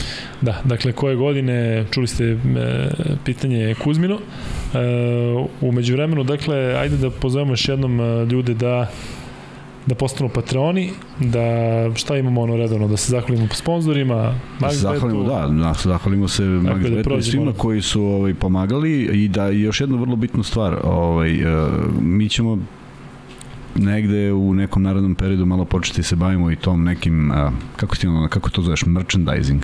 Merchandise, da. Merchandise, da. A, pa ćemo imati neke neke ovaj majice, šoljice i ostalo, a vrlo ako neko ima neki predlog i to možemo da iskoristimo kao kao a, zaštitni znak, kao logo, kao bilo šta što što bi se nekom dopalo, tako da predloge možemo da ovaj, vrlo rado razmotrimo kao i sve što smo razmatrali do sada. Ognjen Radivojević odustaje od free beta, Leksa bio drugi, Leksa ti pošalji na ID, Saša Sale Rakić je odgovorio prvi 2015. godine. Bravo, Sale. Sale koji znači Sale, prati, ja mislim da. kada je bio test ko najviše e, prati, ko ono zna svaki podcast od Adoša, mislim da bi Sale Svaka bio glavni. čast. Sagat 89 koji je malo kasnije udario 2025, a i onda je odmah posle toga stavio 2015. izgleda da Brzo je, brzo je udario. Da. A još treće pitanje, da, da, da, da, da ispucamo betove. E, hajde. Um, Nešto vezano za Čanka, ajmo nešto. E, nabrite tri igrača Lijetka Belisa. Eto. Uuu. Da, dakle, ne morate po, po e, možete samo prezimena, znam da znamo svi koga će da stave svi, ali eto, e, nabrite e, tri igrača šta da kažem, bivšeg, sadašnjeg, budućeg kluba Nenada Čanka, ali nabrite tri igrača Lijetka Belisa. A ko, ko, ti, ko ti je bio u stručnom štabu? Je bio neko naš? Bio mi je, e, dve godine bio Srđan Flajs. Flajs, znam da je bio, da, da je bio. A sad nije bio niko naš. O, ove dve godine. Da. e, Znam da je Flies bio. Da, Um. E, ili imaš nešto za kraj? Možemo lagano da privodimo kraju. Pa ja mislim da da, da mislim da smo ja, ako Vanju imaš smo, neko, Vanju smo neko preskočili, a igra se, možda se završi NBA Liga, a, NBA Liga pitanje. E, večeras. da, ajde, ajde, samo da spomenemo da je 3-2, evo ja ću da kažem. Ajde, da kažeš Pa ne očekujete valjda ja da pričam o tome. Da, Ja E, mislim da će Sansi biti prvi, zato sam u ovoj majici. da. E, hoćeš se uključiš? Ajde, na, na, na, na koji minut? Možeš, a? Ajde. E, šesti meč e, šesti meč mm, NBA lige, verovatno i poslednji Vanja dok tamo tehnički sve završi. Kuzma, jel misliš da Golden State to završao u, u, u večeras ili misliš da... Da, Chris da, Malin ako bude proradio večeras, ovaj vrlo Ja, šalno lako. stranu, Bjelica i Milović, ovo je ozbiljna stvar. Znači, za, za srpsku košaku Um, Bjelica igra malo, Milović je tu asistent, mislim da se ne potencira dovoljno da imamo dva predstavnika u, u ekipi koja će koja je na, na pobedu u titulu NBA ligi. Sad ja treba da ukradem nešto što, što možda nije u redu, ali prosto uh, jači od mene, a i moramo da negde javnosti kažemo, a mislim da će Milojević to ovaj, bolje da nam ispriča. Nekako sam uspeo da saznam, pa sad neka ne zamere ako je bila neka tajna. Uh, motivacijani govor uh, Steve'a Kerr pred utakmicu sa uh, Bostonom. Milo je doneo sliku iz Zadra kada smo igrali budućnost Zadar i kada se po posljednjem sekundu na nas tuštila gomila kamenja Znači nisi, ne možeš da pobegneš u jazinama, ne možeš da pobegneš, imaš onaj jedan čovjek možda prođe. To je prštalo sa svih strana. Ja sam dobio jedan udarac u vrat, jedan kamen u vrat, drugi u rame. I onda je Milo je zgrabio taj kamen i zavrljačio ga prvom navijaču u, u, direktno onako, znači, znaš kakav pogodak. I naravno osvanula je slika u Slobodnoj Dalmaciji. Kaže Srbi, opet divljaju. E, zašto ovo pričam? Zato što je ovaj motivacijani govor Steva, Stiva Kera bio uh, kod tebe kamenom, ti njega kamenom. da, da, da, da. E, Stevan Stanković je odgovorio prvi, Orelika Gagić. E, Žemaitis ili Zemaitis? Žemajte. Da, reci mi, molim te, kako se izgovara pravilno Šiaulaj? Ili već kako? Eto tako. Šole. Šole? Ti o njima pričaš stalno. A? Pa ja sam Ne, ih zvao Šio Ulaj. Pa, ne ja mogu ni da zgovorim. Igrao sam tamo. Šole, šole i generalno mi, mi potpuno pogrešno zgovaramo njihova prezimena, znači nije Nemoj samo Jasikevičius, to je upišena za Davidovca. Jasikevičus. Jasikevičius. Da, nije Jasikevičius. I Lekavičus. Lekavičus. Lekavičus, Da. Lekevičus. To jedino Ilija zna da, to Ilija zaista da. prati i on izgleda. ali Jaskeviću se i dalje govorimo kako smo govorili dok je igrao u Makabi. Da, da. znači taj silazno u. E, ali imaju Ž, je li tako u svom pismu, latinicu. Imaju Ž. Imaju da, da se da, ne, imaju Ž. Nema, nema mnogo Da. zemalja Ž. Ima, imaju Ž, da. E, ima ovde sad dosta odgovora Oreli Gagić Kalicakis, Gagić Rejčević Orelik. Pa dobro, sad prvog samo. Rejčević baš da. Tako da Stevan e, Stanković nek pošalje ID. E, podeli smo dakle sve free betove. Sada možemo da E, uključimo ajde samo, da, uključuju i samo reci još jednom onaj, ako se sećaš broja za momka. Za Mihajla. E, moram da pogledam. Moram da pogledam. Dakle, za Mihajla ova humanitarna akcija, taman dok, dok priča Vanja o o NBA ligi Vanja, jel se završava večeras ili o, hoćeš biti u pravu ili nećeš biti u pravu? Pa neće svako biti u pravu, pre svega zato što sam rekao Celtics u šest. To je prvo, to već otpada Tako je. sada. A mislim da neće se završiti jer ključna stvar u izgubljenim loptama Bostona konstantno. Da, četvrti meč je Kari odigrao neverovatno koliko je dao 43, pokazao zašto je realno top 15 igrač ikada. E, Vanja, jel, nema veze što te ne čujemo u slušalicama? E, men, čuješ ili neče? Čekaj. Ne. Ne čujemo te. To Jedan, znači da te nisu čuli oni, a? Aj proveri sam pita ih da li su Ne, čuli. ne čujemo te, ne, ne čujem, ja te trenutno ne čujem. Pita, jel piše neko da li čuju Vanja? Da, da, E, da, ajde recite samo da li čujete Vanju da bismo znali da li mog priča za džabe ili ne. da, da, E, da, da, da premestimo Da znamo da li pričamo o NBA ligi ili ne. Ne, pa ne nismo više, nismo više u prenosu. Pričaj Vanja. Ne, samo nam dajte znak da li Vanja ovaj, e, da Da li se čuje? Ne, a Kuzme, znaš da je, da je Kari šutirao 0-9 e, u utakmici e, ovaj broj, broj 5 i da su Golden State Warriorsi dobili.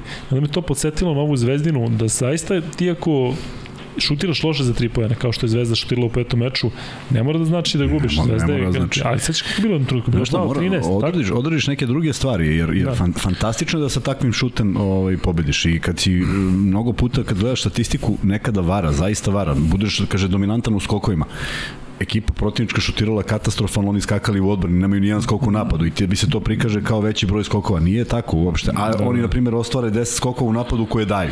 Pa naravno da će da, da pobede. Da vidimo da li se čuje. Čuju te, Vanja? Dobro, tako da možeš da, da nastaviš tamo gde si stao.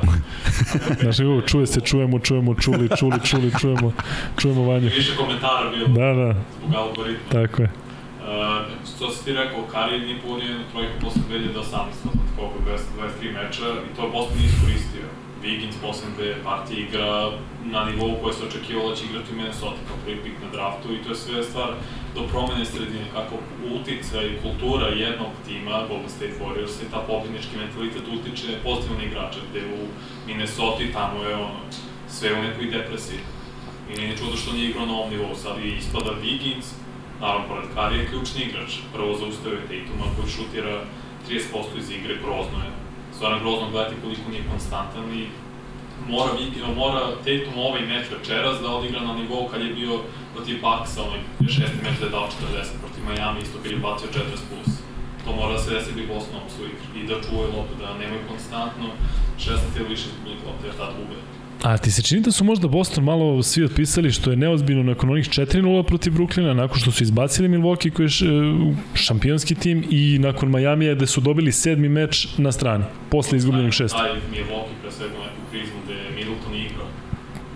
Da je Middleton igrao, ja mislim da je Milwaukee, Milwaukee dobio. Da. I Miami isto Butler, Rovit, Lauri Rovit, Hero ne igra. Dakle, to Boston, Se to braća Rovito? Možda jesu.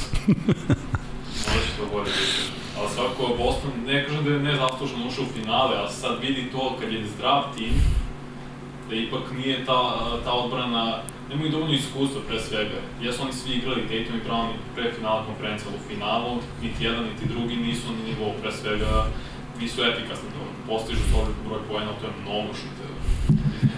E, dakle, Vanja, šta smo rekli, završava se ove noći ili ide? Sedam. U 7. Nenad, imaš nešto da dodaš u vezi ove NBA serije? Isto kao i Kuzma, tako? Da, ja navijam, navijam za Miloja svim srcem i nadam se da će doneti prsten i da ćemo to u dormitoru ovaj proslaviti. U dormitoru, a? Mm, Dobro, lepo. E, našao sam ovo, dakle, krajem 2018. godine, slušajte ovo dobro svi i hvatite se za telefon. Mihajlo je diagnostikovana dišenova mišićna distrofija, nasledna bolest koja napada mišiće ramena, kukova, butina i listova.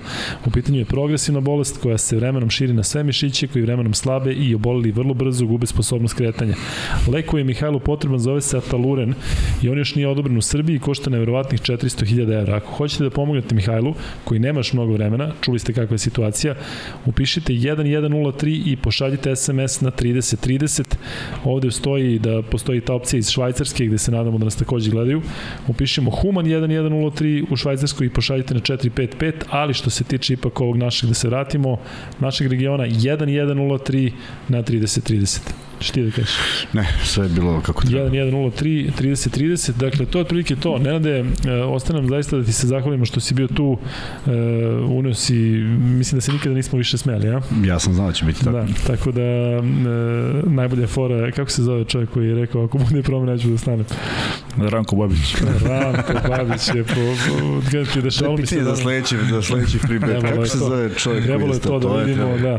Da, Imamo verovatno mi ko je pratio. Verovatno bismo još čekali da, da, da, da odgovori.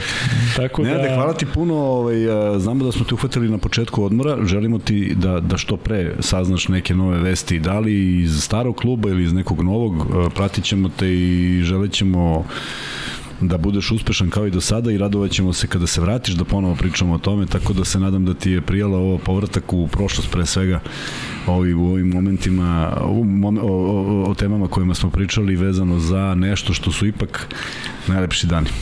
Da, znaš šta u stvari Kuzma hoće da kaže, ako se nešto... Hoću da- ja hoću da kažem šta ja hoću da pazi, ako se reši sve što se tiče angažmana, da se vidimo onda već u ponedljak, ili tako? Sa novim vestima. Tako, novim da, vestima. da. tako je. Ne, a što se tiče Winston Juba lige, toliko ima događaja, mi nismo takli ni, Da, da, da, ni, pa ni da. 5%, Da, tako da. da, meni je samo prilike. žao što igrači danas nisu osjetili taj, te, te, te čare tih putovanja, gostovanja, drugačijeg nekog, drugačije socijalizacije, Kaži mi, jeste za Crnu Goru išli autobusom? I Subotica je spavaća kola. Spavaća Tačno. To je Da, čuvena, čuvena isto priča da, da idemo i krenuli smo iz Subotice i sad budimo se sneg je. A stoji, stoji voz. Ne, ne, ne znamo gde smo. Je. Sve tu izgleda svi ljuti ovoga. tu je, pop je tu pored isto u, u vozu. I ovo izlazi kao, gde smo, gde smo, gde smo, kao, Lajkovac. I ovaj opsuje kao, ne, ne, pita, oče, gde smo? Lajkovac. I sad ovaj opsuje, Prošao ceo dan puta. Znači, mi smo celu noć bili nigde. I sad, ne možeš ti da javiš sad ovaj deo Kome, Podgorice, kako, bar da. kao kasnimo, ne kasnimo, je bilo. Tako da... Bilo nezaboravno. Takli smo Da, da. 5%, što kaže Nenad, da ali daći ćemo više. Biće. Daći ćemo više. Tako da, to je to što se tiče za ovo 39. izdanje podcasta sa Kuzmom i Lukom. Vidimo se u... Ponedljak i ja mislim da nećemo ići uživo, da ćemo biti u šest Uh, da ćemo emitovati u šest, snimati ranije i to je to. Da, javit ćemo, ali trebalo bi da bude tako. Da. Vidimo se u ponedljak.